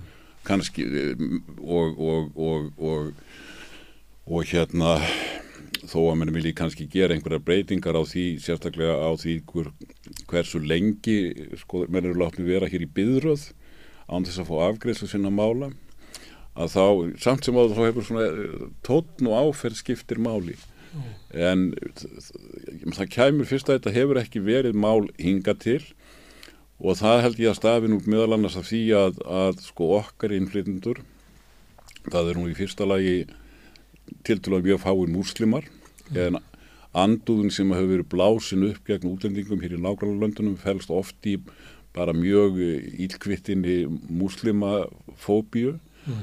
Og hins vegar er því Svíjar er nú bara að brenna já, já. kóraninn á gödumúti bara as we speak. Já, já, það er að við já, já. E, en til viðbótar sko þá hefur það líka verið blásið upp á hinum Norðurlundu til dæmis að að, hérna, að innflytundur séu að uh, leggjast upp á bótakerfin. Mm. meðan að fátækir gamli svíjar leipið dauðan og skell og þetta er náttúrulega held ég að vísu mjög ámælt en hins vegar hefur enginn getað haldið þessu fram á Íslandi vegna þess að hér eru útlendingar sko nánast ekkert á bótakerfum mm. atvinnu þáttakan var ekki ekki um daginn að atvinnu þáttaka Venezuelamanna ja. var hærri heldur en, heldur en Íslendinga mm. Það er reynda breyst núna vegna þess að, að þeir fengu automatist fjögur ára dvalarleifi og atvinnuleifi út af þessu hérna, að það vart að styðja hérna, eitthvað sem var að gerast í Venezuela en svo núna eftir að það voru breytt lögunum mm. þá mhm. hefur útlendingastofnun afturfarið að hafna þeim því já. þannig að nú eru þeir eru án dvalarleifis og þar hérna atvinnuleifis, þannig að já, þeir eru já. aftur lendi í sömu stöðu og aðrir hælisleitutur sem eru í ykkur svona limbói þannig að þeir geti ekki farið að vinna þóttu gerna, vildu sko. Já, já, já, já, En mm. það er náttúrulega held ég bara mön, öll, öllum mönnum ljóst sko að, að það væri engin engin leið að reyka Íslands atvinnulíf mm. hvað þá að hafa einhvern hagvöxt án þess að vera með þessu útlendinga Nei, þeir í rauninni reka eru ferðarþjónustana ekki síðan sko. Þannig að þú eru ólíklegt að, að þetta verði höfum. Já, ég er nú lélugur spámaður það er náttúrulega reyn spekulasjón en, en ég, mér, það kemur frekar óvart ef þetta er því svona aðalmál mm. og e, það er ég er nokkuð klára á því að við þóra þessu tægi þau eru mjög fjarrri því að vera meiri hluta viðþorf meðal Íslandinga. Það komið fram í mörgum, mörgum konunum og svo ég, ég er það ekki hann. Ég get nefnt dæmi sko að við höfum verið með sko í törfurðan tíma spurningu sem að í íslensku kostningaransóknunni sem að þar sem menn eru bennir að taka afstöðu til fullirðingar sem er eitthvað á þessa leið að, að útlendingar séu ógnun við eða alvarleg ógnun við þjóðareng einkenni okkar Íslendinga og þegar við spurðum að þessu fyrst 2007 þá var það um það byrð þriðjungur sem að sagðist vera þessara skoðunar svo tala hefur lækka nánast línulega línulega og var síðast kannski komin í einhver 10% mm. og þar að ekki held ég að á pólitíska ástandu á Íslandi sé ennþá þannig að ef að sko flokk, einhverju flokkar með, með, með, með sem, sem er legð og áherslu á útlendinga andúð og ég á nú erfitt með að sjá sjálfstæðisflokkin gera það reyndar en e ef að þannig hópur einhverjir til einhverja flokka að þá þætti mjög mjög líklegt að að minnstakosti í byrjun mundi afstæða hinnaflokkana verða svo að segja, heyrðu, við myndum ríkistjórn, við munum láta þessa gæja að setja í stjórnarhanstuðu. Það, það reyndur nú menni í Svíþjóð. Já, það, það, en það tók líka langan tími í Svíþjóða fyrir, fyrir populistaflokkana að, að, að, hérna, komast í þá stöðu að geta orðið ríkstofnarflokkar. Mm. E, og, og e, þannig að það er, ég er, ég er að tala um fyrstu viðbröð mm. ef af þessu yrðir sem að mér finnst reyndar frekar, frekar ólíklegt á þessu stíðumáls. Mm. En auðvitað gæti populískur flokkur, það er ekkert skrítið að populískur flokkur fari í 10, 15, 20%. Ég meina við höfum séð andkerfisflokka í sögunni fara í meira fylgi flokk eins og það er nú kannski helst að nefna gömlu kommunistaflokkana í Fraklandi og Ítalíu mm. sem voru með fylgi yfir 20%, undum yfir 30% voru kallaðir andkerfisflokkar uh, kerfin hrund ekkit og þeir komast reyndar ekki í nei. En við sjáum svona flokka, populíska hægri flokka eins og Svíþjóðdemokrata nefnir 20% og nú eru já, já. kannanir í, í Svíþjóð sína það að, að e, alltaf fór Deutschland mælist herri heldur að Svíþjóðdemokrata næsta því flokkur. Já, í, í, í Þýsklandi. Já, já, já, já, já. Það er margt í gangi. En þetta er eitthvað sem að, maður virka á mann eins og sjálfstaflokkur er svona velta fyrir sér, hvort það væri eitthvað sem þeir getur notað. Já, það er mjög, við þurfum ekki að ágjöra því að, að halda þessu sjálfstaflokk saman. Það er í rauninni, sko, nei það er í rauninni verið líka mjög fróðlegt að fylgjast með þróunni Svíþjóð vegna þess að þar voru í rauninni mótir að þetta er hæri flokkurinn mm. í þeirri klemmu að segja, heyrðu, hann eru þessi hæri populistar komnir með svona mikið fylgi og við verðum, sko, ef við, ef við höldum okkur fast við það að vilja ekki vera með þeim, mm. þá verður bara kratatum fórstráðundin. Þetta er það sem að, þetta finnst mér verið að gerast út um alltaf Európu, já. að hérna, hægri flokkanir, svona mhm. Klassísku mm -hmm. já, já. hvað þú kalla þá, mm -hmm. að þeir standa fram við þessu vali. Við höfum bara tvo valkosti ef við ætlum að ná völdum, annars verður að fara í svona Uh, breyðar ríkistjórn eins og er hér já, já. eins og var til dæmis í Þýskalandi já, og ég held að svona hægri minn horfill eins og þá ríkistjórn segja þetta er ekki gott fyrir okkur nei, nei. þetta er ekki góð ríkistjórn þá er það hingkosturinn þá verður það að taka hana uh, allt hægrið með okkur. Og það er að gerast í Ítalju það mun ég spáði því að það mun gerast á Spáni núna í sumar. Og uh, það er búið að gerast í Svíþjóð það er búið að gerast í Finnlandi. Þetta er eiginlega það sem að er það er að vísu Ég sá nú einhverja kannar um daginn um að, um að það væri nú einhver tákn á lofti á spáni um að að kratarnir væri að koma tilbaka þar ég... Þeir eru að, sko, kratarflokkurinn ágættur ágættur, eða í fylgi. En ég er ekkert ágættur en, en Podemos, hérna, hérna Súmaka, hvað heitir þarna sem að tók við að því, já, já. er ekki að skila nema helmingnum af því sem að Podemos skilaði. Og, og, og, og hérna, þjóðarflokkurinn, hægri flokkurinn hann er í ágættur í sók Vox er, er ekkert að vaksa en leiðin fyrir sko, þjóðarflokkinn þess að koma til valda er að taka Vox með sér Já, já, já, já og er, þar ertu með flokk bara sem að svipað og e, þeir sem að leiða ríkistjórn í Ítalíu núna eiga bara rætur í sko fascista já, já. og, og hérna, reyfingar svipað og svíðóðdemokrata sem eiga já, bara rætur í sko nýneskum reyfingum þetta eru flokkar sem eru að komast til valda við í Evrópa en það er nú kannski efni í annan þátt það er efni í annan þátt. Og ekki að leipa út í vornótina hún er dásamli vornótina Það eru takk hjá það fyrir komuna þetta er lokin á, á rauðaborðinu en við höldum áfram á samstöðunni. Hér á eftir verður umfjöldunum úgrænistriðið í þettunum miðnætti í, í kænugarði en á morgun verður rauðaborðið á sínum stað klukkan 8. Takk fyrir í kvöld. Erum velkomin að í miðnætti á kænugarði þar sem við fylgjust með og reynum átt okkur á stríðinu í Úkrænu hver staðin er á výgvellinum og hvað árið þetta hefur á heimspólitíkina og alls konar vinklaði í máli. Nú er komið sumar þannig að við ætlum að hafa svona stittri þætti yfir hásumarið og ætlum að fá hingað Törður Sjött, vel, verður velkominn. Þú hefur hjálpað okkur til þess að svona átt okkur á stöðinni og þú lest frettir um þetta alla daga.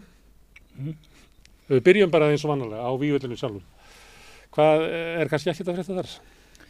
Jú, jú, það er alveg að frétta en það er einhver, einhver stóra fréttir, það er náttúrulega gagsóknin umtalaða heldur áfram og það hafi ekkert verið neina mikla breytingar á výlinni, uh, raunin bara frá upp, upphafi gagsóknarinnar sko, þannig að það er ekkert voðalega mikið að frétta þannig séð. Kannski byrja á að hérna, minnast á það sem við tölum um í síðasta þætti, það var það að hérna, Ukrænumenn höfðu sko sótt fram hérna hjá Antonovski brúnni sem er brúð hérna í hérna yfir, yfir Dnjepfljótið í Kersson hér aðeins sem að var hrunin og þeir höfðu einhvern veginn sótt fram á sko hérna hraðbátum sko og notað brúnna sem hérna skjól eða cover og komið sér fyrir á hínum bakkanum rúsa megin og það er talað um að það hafi verið 50 menn og nú er sagt að mögulega hafi verið fleiri yfir 100 og ég sé við myndast átti sérst ætti og það er eins og að núna sé það liðið undir loka því að rússar sko vörpuðu springjum og notuðu Iskander eldflög og, og þeir voru sko að, að fela sig þarna undir brunni og, og sá hluti hérna, hérna brunni er núna hrunin sko sérst á hérna myndum og Þannig að þeir náðu ekki fótfestu á hinu bakkanum sem að, þeir, voru, þeir voru með fótfestu en eins og segi ekkert voðalega kannski hérna, örga og trygga fótfestu, voru bara að fela sig þarna undir brunni og mögulega einhverjum byggingum þarna líka í rétt hjá sko.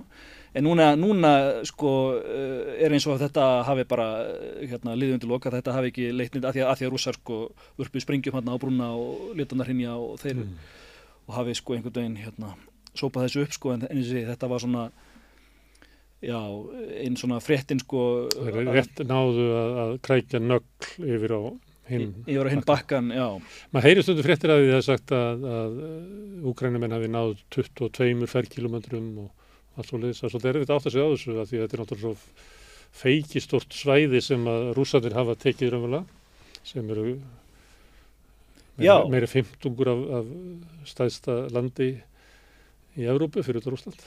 Já, hérna, já, sko, fylgur bara almennt um gagsóknina, sko. Eh, ég þú minnist á hvernig hversu mikið landsfæði rússar hafa tekið. Þannig, hérna, Seymour Hersh kom með, hérna, nýja grein eh, nýlega það sem hann fjallar um bæði gagsóknina og uppreistina hjá, hérna, Prigozhin og Wagner, sko. Mm. Og þar talar hann um gagsóknina og hann segir, sko, að rússar hafa tekið um það byrjum 100.000 tverrkilometra sem er eitt fimmtungur af öllu Úkrænu. Mm. Og hann segir að núna hafa Úkrænumenn í þessari gagsókn náð cirka 100 ferkilometrar tilbaka og það var mest í sko upphafi þarna að því að gagsóknin hófst sko 4. júni núna er náttúrulega í dag er sko 4. júli þannig að það er núna mánuði liðin að þessari sókn Mm. 100 ferkilometrar cirka bát af hvað miklu?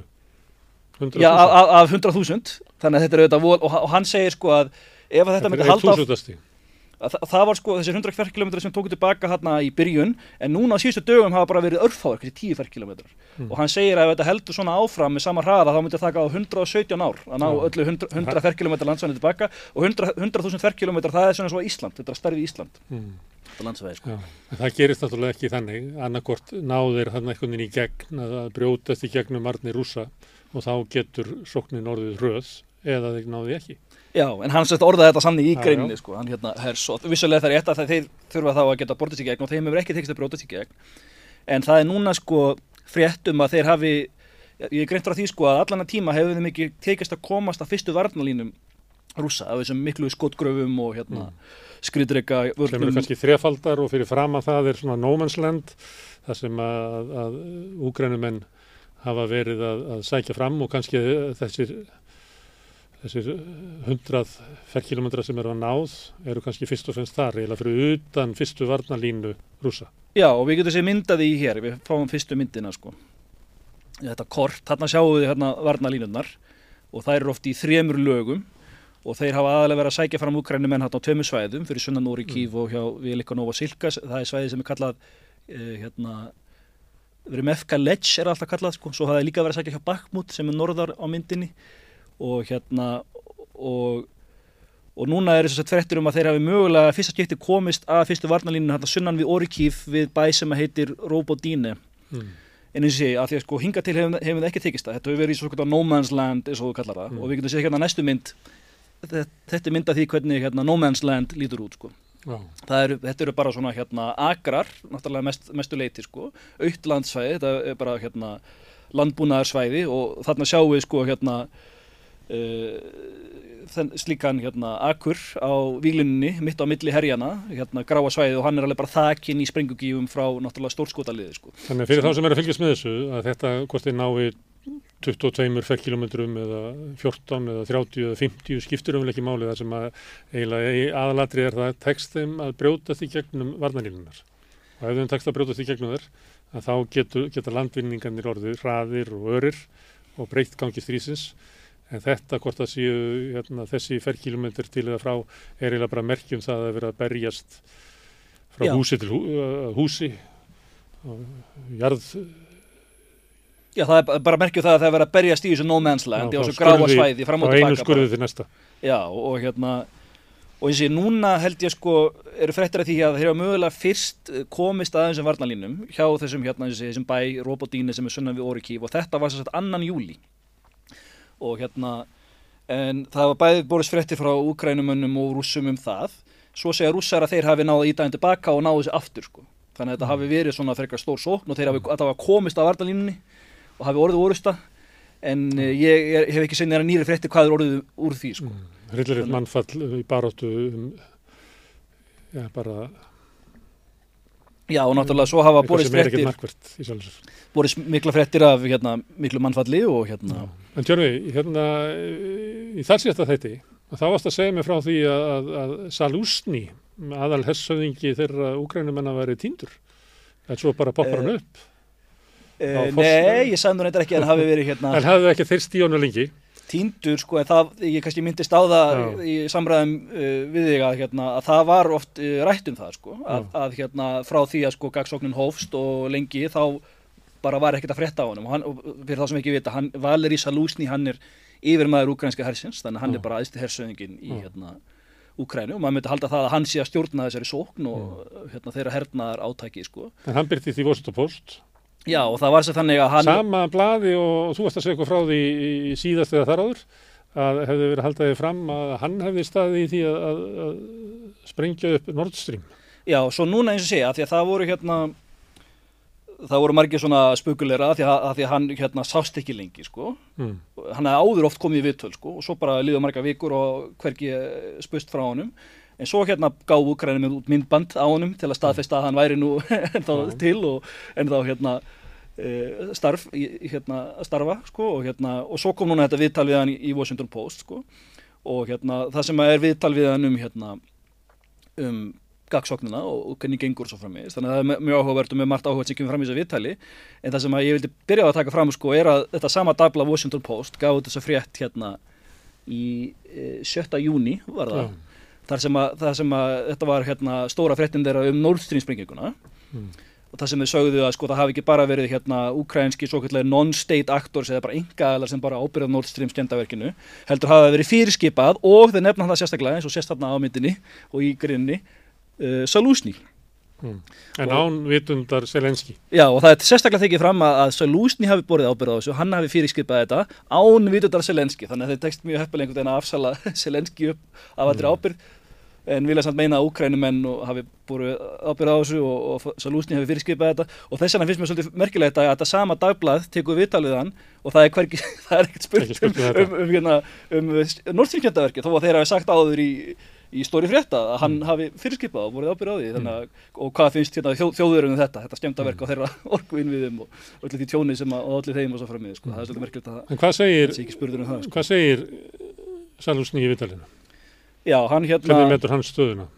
sko hann hérna það er svolítið merkilegt hvað hann segir í þessu viðtali því að hann sko það er náttúrulega í viðtalinu það er svona reynd að láta þetta líta vel út og svona en ég meina hann er bara beinleins að viðkönna að það gengur mjög illa og gengur ekki neitt og hann næstu í sko skammar hérna uh, bara svona hérna uh, bandaríska herin og vesturlönd og segir sko að því að samkvæmt þeirra hernaða doktrin þegar hér sækir fram og sérstaklega gegn sko óvinni sem er hérna uh, fortified sem er hérna vel vígbúin eða með svona Mm. mikla varnir eins og rússar að þá er alltaf gunnlega allrið að þú sért sko ef ekki með air superiority svo að yfirburði í lofthernaði að þú sért allavega með eitthvað svo kallar air cover Mm. af því það er eins og hérna Úkranumenn hafi ekki verið með neitt svo kallar air cover af því að hérna þeir sækja fram og rússar bara drotna yfir hérna hálóftunum og þeir eru bara með hérna þyrlur sem geta bara skotið og granda þeirra faratækjum að vild og frá því að hérna sóknin hófst þá hafa, það er ansið merkilegt, það hafa ekki eh, verið skotna niður neina rúsneskar flugvélar eða þyrlur sko, frá því sóknin hófst sko. En hefur ekki alltaf verið sagt að, að, hérna, að rússar hafi lítið notað flugurinn sinn? Er það ekki verið einn af frásóknunum í þessu stríði og verið alls konar getgátur um hverju það er að það sé ekki vanti samræmingu þar á milli eða það sé lítið notað heldur að það hefði fyrst og semst verið að sko, nota stórskotalið. Já, já, það er vissulega rétt að hérna að hérna þeir hafa ekki notað mikið í þeim skilningi eins og í samanbyrði við önnur stríð eins og, eins og hérna bandarækjumenn þegar þeir eru með sko mikla loftyfirbyrði og þá, þá geta þeir bara flóið flugulum að vilda þegar þeir er ekki hægt á að þeir vera skotna niður. Og hérna en, en, en í þessari gagsókn það hafa borist fyrir því. Þeir hafa mikið verið að nota svo kallar kama þyrlur, kama 52 þyrlur sem eru uh, þetta er svo kallar gunship, það eru sér hana til að skjóta niður til að granda sko skriðdryggum og faratækjum mm. hafa verið að nota þær að vild og, og það er talað um það að þeir drottni yfir hálóftunum og það, það er talað um sko að, hérna, að þegar að hér sækir fram þá þarf það að vera með eitthvað svo kallar aircover, þú þarf það að vera með eitthvað flugvilar, þú þarf það að vera með loftarnakerfi til þess að sko hérna uh, granda náttúrulega flugfartækjum óvinnarins mm. Og, og einhvers konar cover fyrir þína hermins að sækja fram að því að þú þarf ekki að eina sko varpa sprengjum á óvinnin svo að þeir get ekki bara hérna varpa sprengjum á þína hermin mm. að vild sem að sækja fram út á hérna mm. út á Úgrænumennum hefur verið lofað einhverjum uh, orðstu þóttum síðast er ég sá Selenski tjá sig og þá var hann að kvarta yfir að gengi og hægt uh, að fá uh, held ég F-16 og þjálfun á það Já.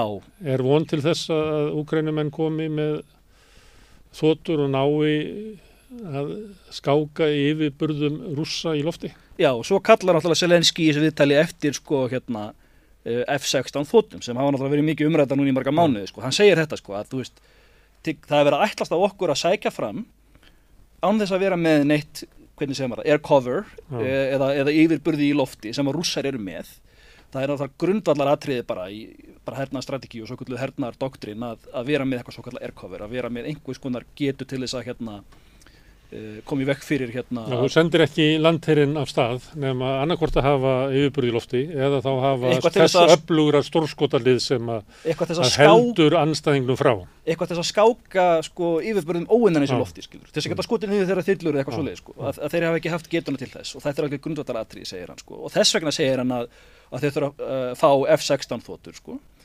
En þá má spyrja sig býtu ef þessar F-16 þóttur það er náttúrulega langt í það, það myndi ekki vera fyrir í haust eða marga mánuði og svo þarf að þjálfa áhafnir á þessa þóttur sem tekur marga marga mánuði.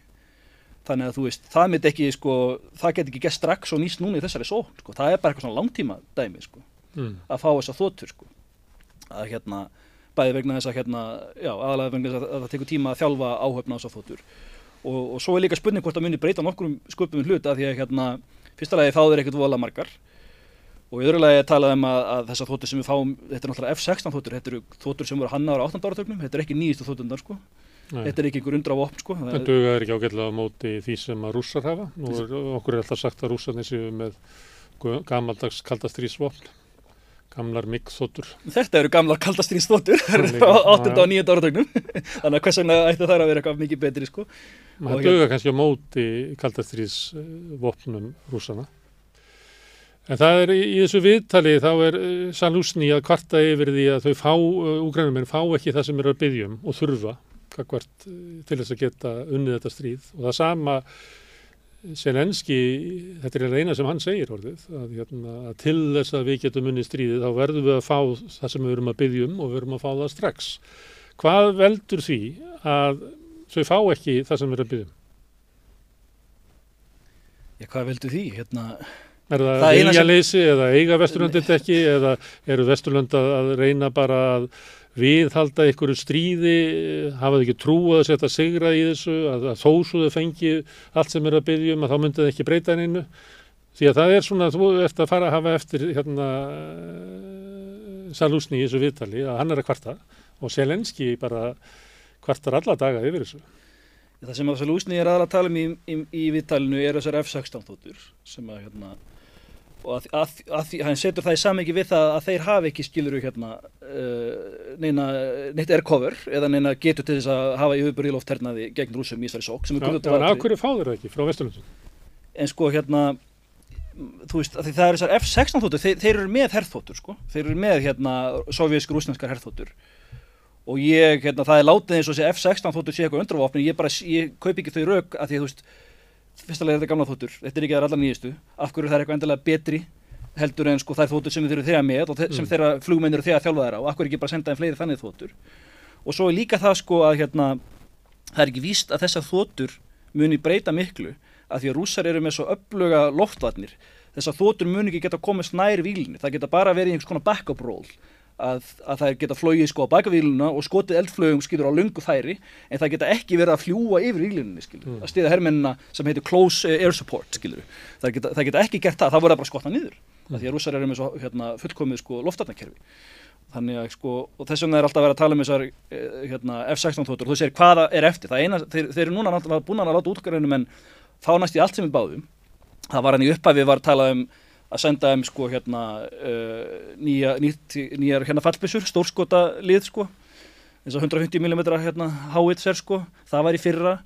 Og svo var mikil umræða, það var í byrjun þessa árs þegar var ákveðið að senda einn skriðdrygga hérna, það var hérna í janúar sem að það var ákveðið og það voru tíska lepport skriðdryggar og breskir challenger skriðdryggar og fleiri skriðdryggar og núna eru hérna, og svo eru hérna breytar búin að láta það fá langdræðar eldflögar svo kallar Storm Shadow Missiles og núna er þessi umræðum F6, það sem er eftir, eina sem er eftir eru F-16 þóttur og bandariska svo kallar Attackums Missiles, langdræðar eldflögar Mm. það er eins og hérna Storm Shadows sé ekki nógu góðar þannig að þeir þurfa að fá svo bandarísku Attackums og, og fá einhverjar F-16 þóttur en ég bara sé ekki fram á hverju það muni breyta. Ég er búin að útskýra af hverju með F-16 þóttunar og svo er með hérna langdræði eldflögunar þá er málið með þess, þessar hérna bandarísku Attackums að þær eru bæði mjög dýrar og, og bandaríkjaman er ekkert ólega margar af þeim það virðist ekki vera að þeir geti framleitt mjög mikið uh, sko hérna af nýjum eldflögum þannig að ég sé ekki fram á heldur að það muni breyta miklu sko. þannig, að, þannig að sko það má spyrja sig þetta sem við byggjum og, og jafnvel þó við fáið það hverju mun að breyta sko. Mm. Það verður fundur í Vilnius 11. júli sem er í næstu viku NATO-fundur má búast við að, að þar komi einhver svona e, yfirlýsingar um að úkrænumennum verður færð eitthvað meira það verður sendur mannafli að fyll hvað er það sem að getur komið fram á þessu fundi sem að breytir gangi stríðsins á yfirlum Já, það má búast við því að það verði tilkynnt vendilega um einhver nýja herna aðstóð og nýjan pakka sko, en, ég veit ekki hvað það verður og hvort það verði þá tilkynnt að þið fái F-16 þóttur, það getur mögulega verið stóra e, málið sem að verið tekið fyrir á, á Mm. fundunum sko, en það verðist vera sko, það sem að kemur fram á þessu fundi, það verðist vera mjög háð því sem er að gerast á vývöldunum sko. Og þess vegna er einhvern veginn svona mikið pressa núna á úkrænumunum að sækja fram og, og reyna að sína fram á einhvern árangur fyrir þennan fund. Mm. Af því að það er eins og sko ef að þeir myndu ná miklum áranguri þá myndi hérna, andrúrslóttu vera mjög ákvæmt á fundunum og þá myndi þeir fagna því að Úkrænum getur undir stríðið og hérna, við getum sendið meiri vopn en ef að það gengur ekki neitt hjá þeim þá lítur út fyrir að kannski andrúrslóttu verði ekkert voðalega jákvæmt heldur kannski frekar svartfínt á fundunum og, og það er eins og við fylgum í síðast hætti að, að núna er Jens Stoltenberg uh, frangatistur NATO búin að tilkynna að að það veri ekki sko tilgjönd á fundunum að Úkræna fái sko hérna einhvers konar hérna hraðleið í NATO til dæmis sko. Mm. Þeir segja bara eins og ég segja alltaf við stundum við langtíma lofarið okkar sem við gáum á Búkarest fundunum árið 2008 að Úkræna geti gengið í NATO í framtíðinni, þetta er alltaf þetta svo kallar open door policy og það allt sko, Mm. en þeir hafa ekki getað hérna veitt um neina svona frekar öryggstryggingar eða einhvers konar lofórðum að fá hraðleið inn í NATO sko. Mm. En er í einhverju með þessum löndum sem að eru að senda úgrænumenn aðstóð staða svo í heimalandinu að það sé erfitt fyrir ríkistjóðnir að auka stuðningi við Úgrænu nema að það sjáist einhver árangur á vývöldinum. Já, það verðist vera sko þetta er mjög svona pólitíst, þetta er mjög háð því sko hérna, já, árangur í vývillunum. Það er búið að senda mjög mikið að hérna, hernaðarastóð og opnum til Úkrænu og minna hernaðarastóð sem bandreikin hafa sendir við yfir sko 100 miljardar dólar, þetta eru alveg stjartfræðilegar upphæðir sko. Til samanbörður er sko hérna öll hernaðarútgjöld Rústlands á ársgrundvelli eru held ég 60 miljardar bandaríkjadala. Mm. Þannig að þeir eru búin að senda sko næstu tvöfald á við það og svo er Európa-sambandi líka búið að senda eitthvað að minnum í 70 miljardar dólara sko. þannig, að- þannig að samtals er þetta mjög mikið sem, uh, sem er hafa sendt og hafa líka sendt sko mjög mikið af vopnu, þó hafa kannski ekki sendt eitthvað vola mikið af skriðryggum en þeir hafa sendt mjög mikið af skotfærum, það er náttúrulega aðalega sem þetta stríð Já. um. Og það er náttúrulega verið fréttir af því, þú er nú það er og reynda sannreina það ekki að, að það vanti eiginlega bara skotvopn. Já, þetta er það sem að Solution segir í viðtalinu. Hann segir sko, eins og sé, hann kvartar yfir sko að þeir manti hérna meira air cover, þess að hann vill að fá þessar F-16 þóttur og hann kvartar yfir uh, uh, skotfæra uh, skort. Hann segir að þeim, þeir þurfi miklu meiri skotfæri skotfæri fyrir stórskotalið fyrir hérna artilleri. Og hann segir í viðtalinu að rússar er að skjóta sko tíu sunni meiri skotfæri, þetta er þetta orðið sem hann notar, hann segir tenfold tíu sunni meiri skotum en við uh, bara hvort sem er dagstaglega eða vikulega og svo framvið sko. og hann er þannig að gefi skín að rússar séu með sko yfirgnæfandi hérna, uh, yfirburði í stórskotaliði og náttúrulega líka í lofthernaði sko. Mm. og þess vegna þurfum við hérna En okkur eigur rúsa svona mikið að þessu dóti? Okkur hefur verið sagt að, að sko hergagna framlæst að þeirra væri búinn, að þeir væri bara að keira á einhverju gömlu dóti sem er áttu frá sovjetímanum en, en sko svona hergagna framlæstan þeirra væri varla til. Er það ekki að hefti því eða? Já, þetta eru fréttinnar eh, sögursætni sem við fengjum að heyra. Þetta virðist ekki vera rétt, af því að það, það sem virðist vera rétt er að rússar eru með mjög öflugan hergagæðina og geta framleitt mjög mikið af vopnum og hérna sérstaklega skotfærum sko á meðan, á sama tíma hefur herrgagnin innan á Vesturlundum verið hólaður innan. Og, nú, og það segir mér þess að í þessari sömu hérna Washington Post uh, frétt við talið við Salúsni það, það er sérstaklega tekið fram að Jens Stoltenberg hafi sagt að fyrra árinu að hérna sagt, uh, nótgun Ukrænu á skotfærum er uh, miklu sko meira heldur en að við getum framleitt. Og, og það hafa líka verið fréttir af því að, að það sé verið að ganga á byrðir Vesturlanda í, í skotfærum. Það er verið að senda þau öll til hérna Úkrænu og byrðirnar eru bara að verða búnar. Og þeir eru búnir með alla gömlu sko sovjesku, rúsnesku hérna, byrðirna sínar og er að ganga á skotfæra byrðir Vesturlanda. Og, og eins og Jens Stoltenberg sálu sagt, þá er ekki geta til þess að sko halda í við, sko að framleistan haldi í við þessa nótkunn sko. Aftur á móti verðast rússar geta það sko og er, er að gera það og eru með eins og sé mik mikla yfirbörði í stórskotaliði. En mun þá koma bara á næstu, næstunni, hérna nú eru öll ríki í Evrópu að auka útgjöld sín til hermála og mörg þeirra eru komin upp í þessi 2% og sögum náttúrulega eins og Íslandslandin og fleiri komin yfir það en, en stórlönd eru komin upp í 2% þannig að, að stór hlut, eða, að tilfærsla á ríkisútgjöldum oft á tíðum úr einhverjum verkefnum yfir í, í, í herganaframlýslu. Má búast við því að, næstunni fáum við yfirlýsingar um það að, Vesturlund þurfi að ebla herganaframlýslu sína og reysa hér verksmiður til þess að geta staðið í þessu stríði og jáfnframt varið eigi land.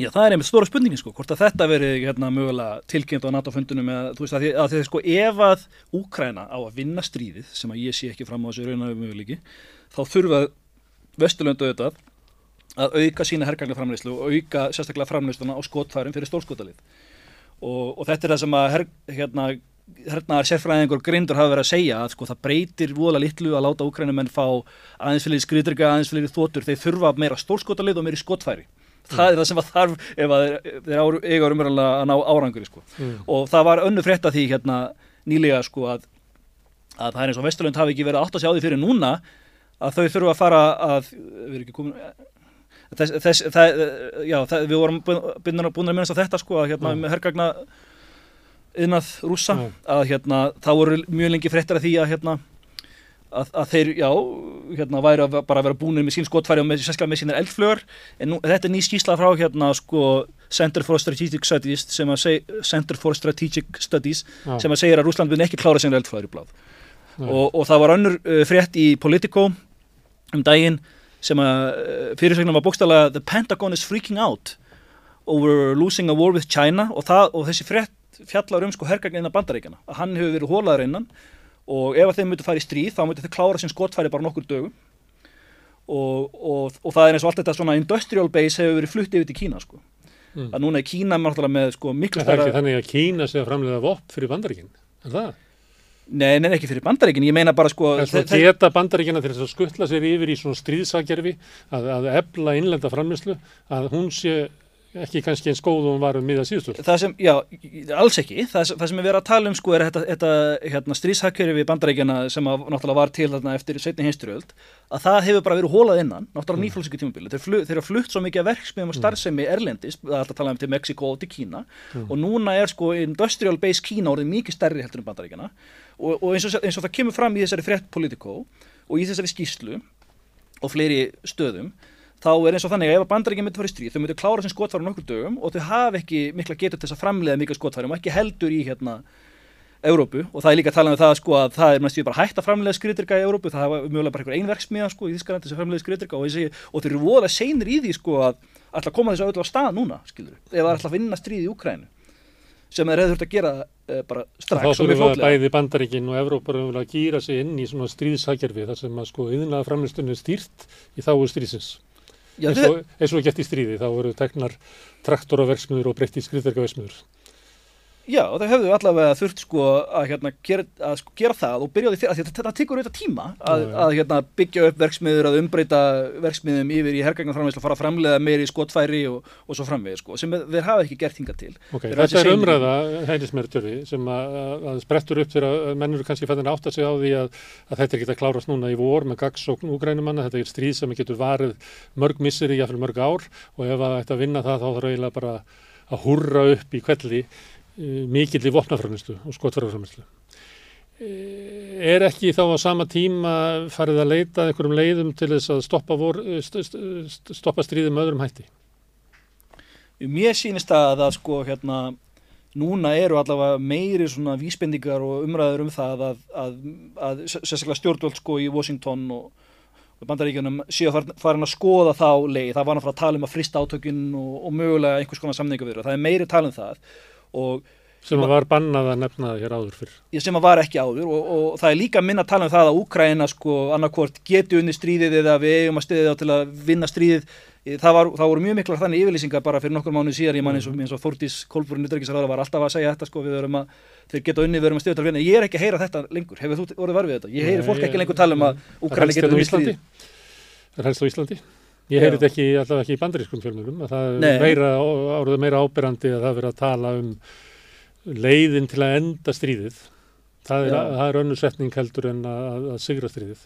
þetta er sko merki um eitthvað stefnumbreyningu hjá bandaríkjunum og eins og ég heyri voðalega lítið núna talað um að, að, um að þessi raunhæft eða mögulegt að Ukraina geti unni stríði sko. það var núna, eins og sé, það var áður mjög mikið sagt Já. sko en það, ég heyri það ekki lengur sko þannig að þetta er svona ákveð, vís, ákveð vísbendingu um hérna einhvers konar stefnumbreytingu sko. Já, og kannski kemur eitthvað í ljósa á NATO-fundunum sem verður í Vilnius í þannig þetta júli eftir nokkra daga. En sjáum til hvernig það fer þetta stríð sem er þarna á yfirlunum, þótt þetta séu fáir ferkilometrar sem að vinnist og tapist til skiptis, að þá er þetta ömulegt stríð.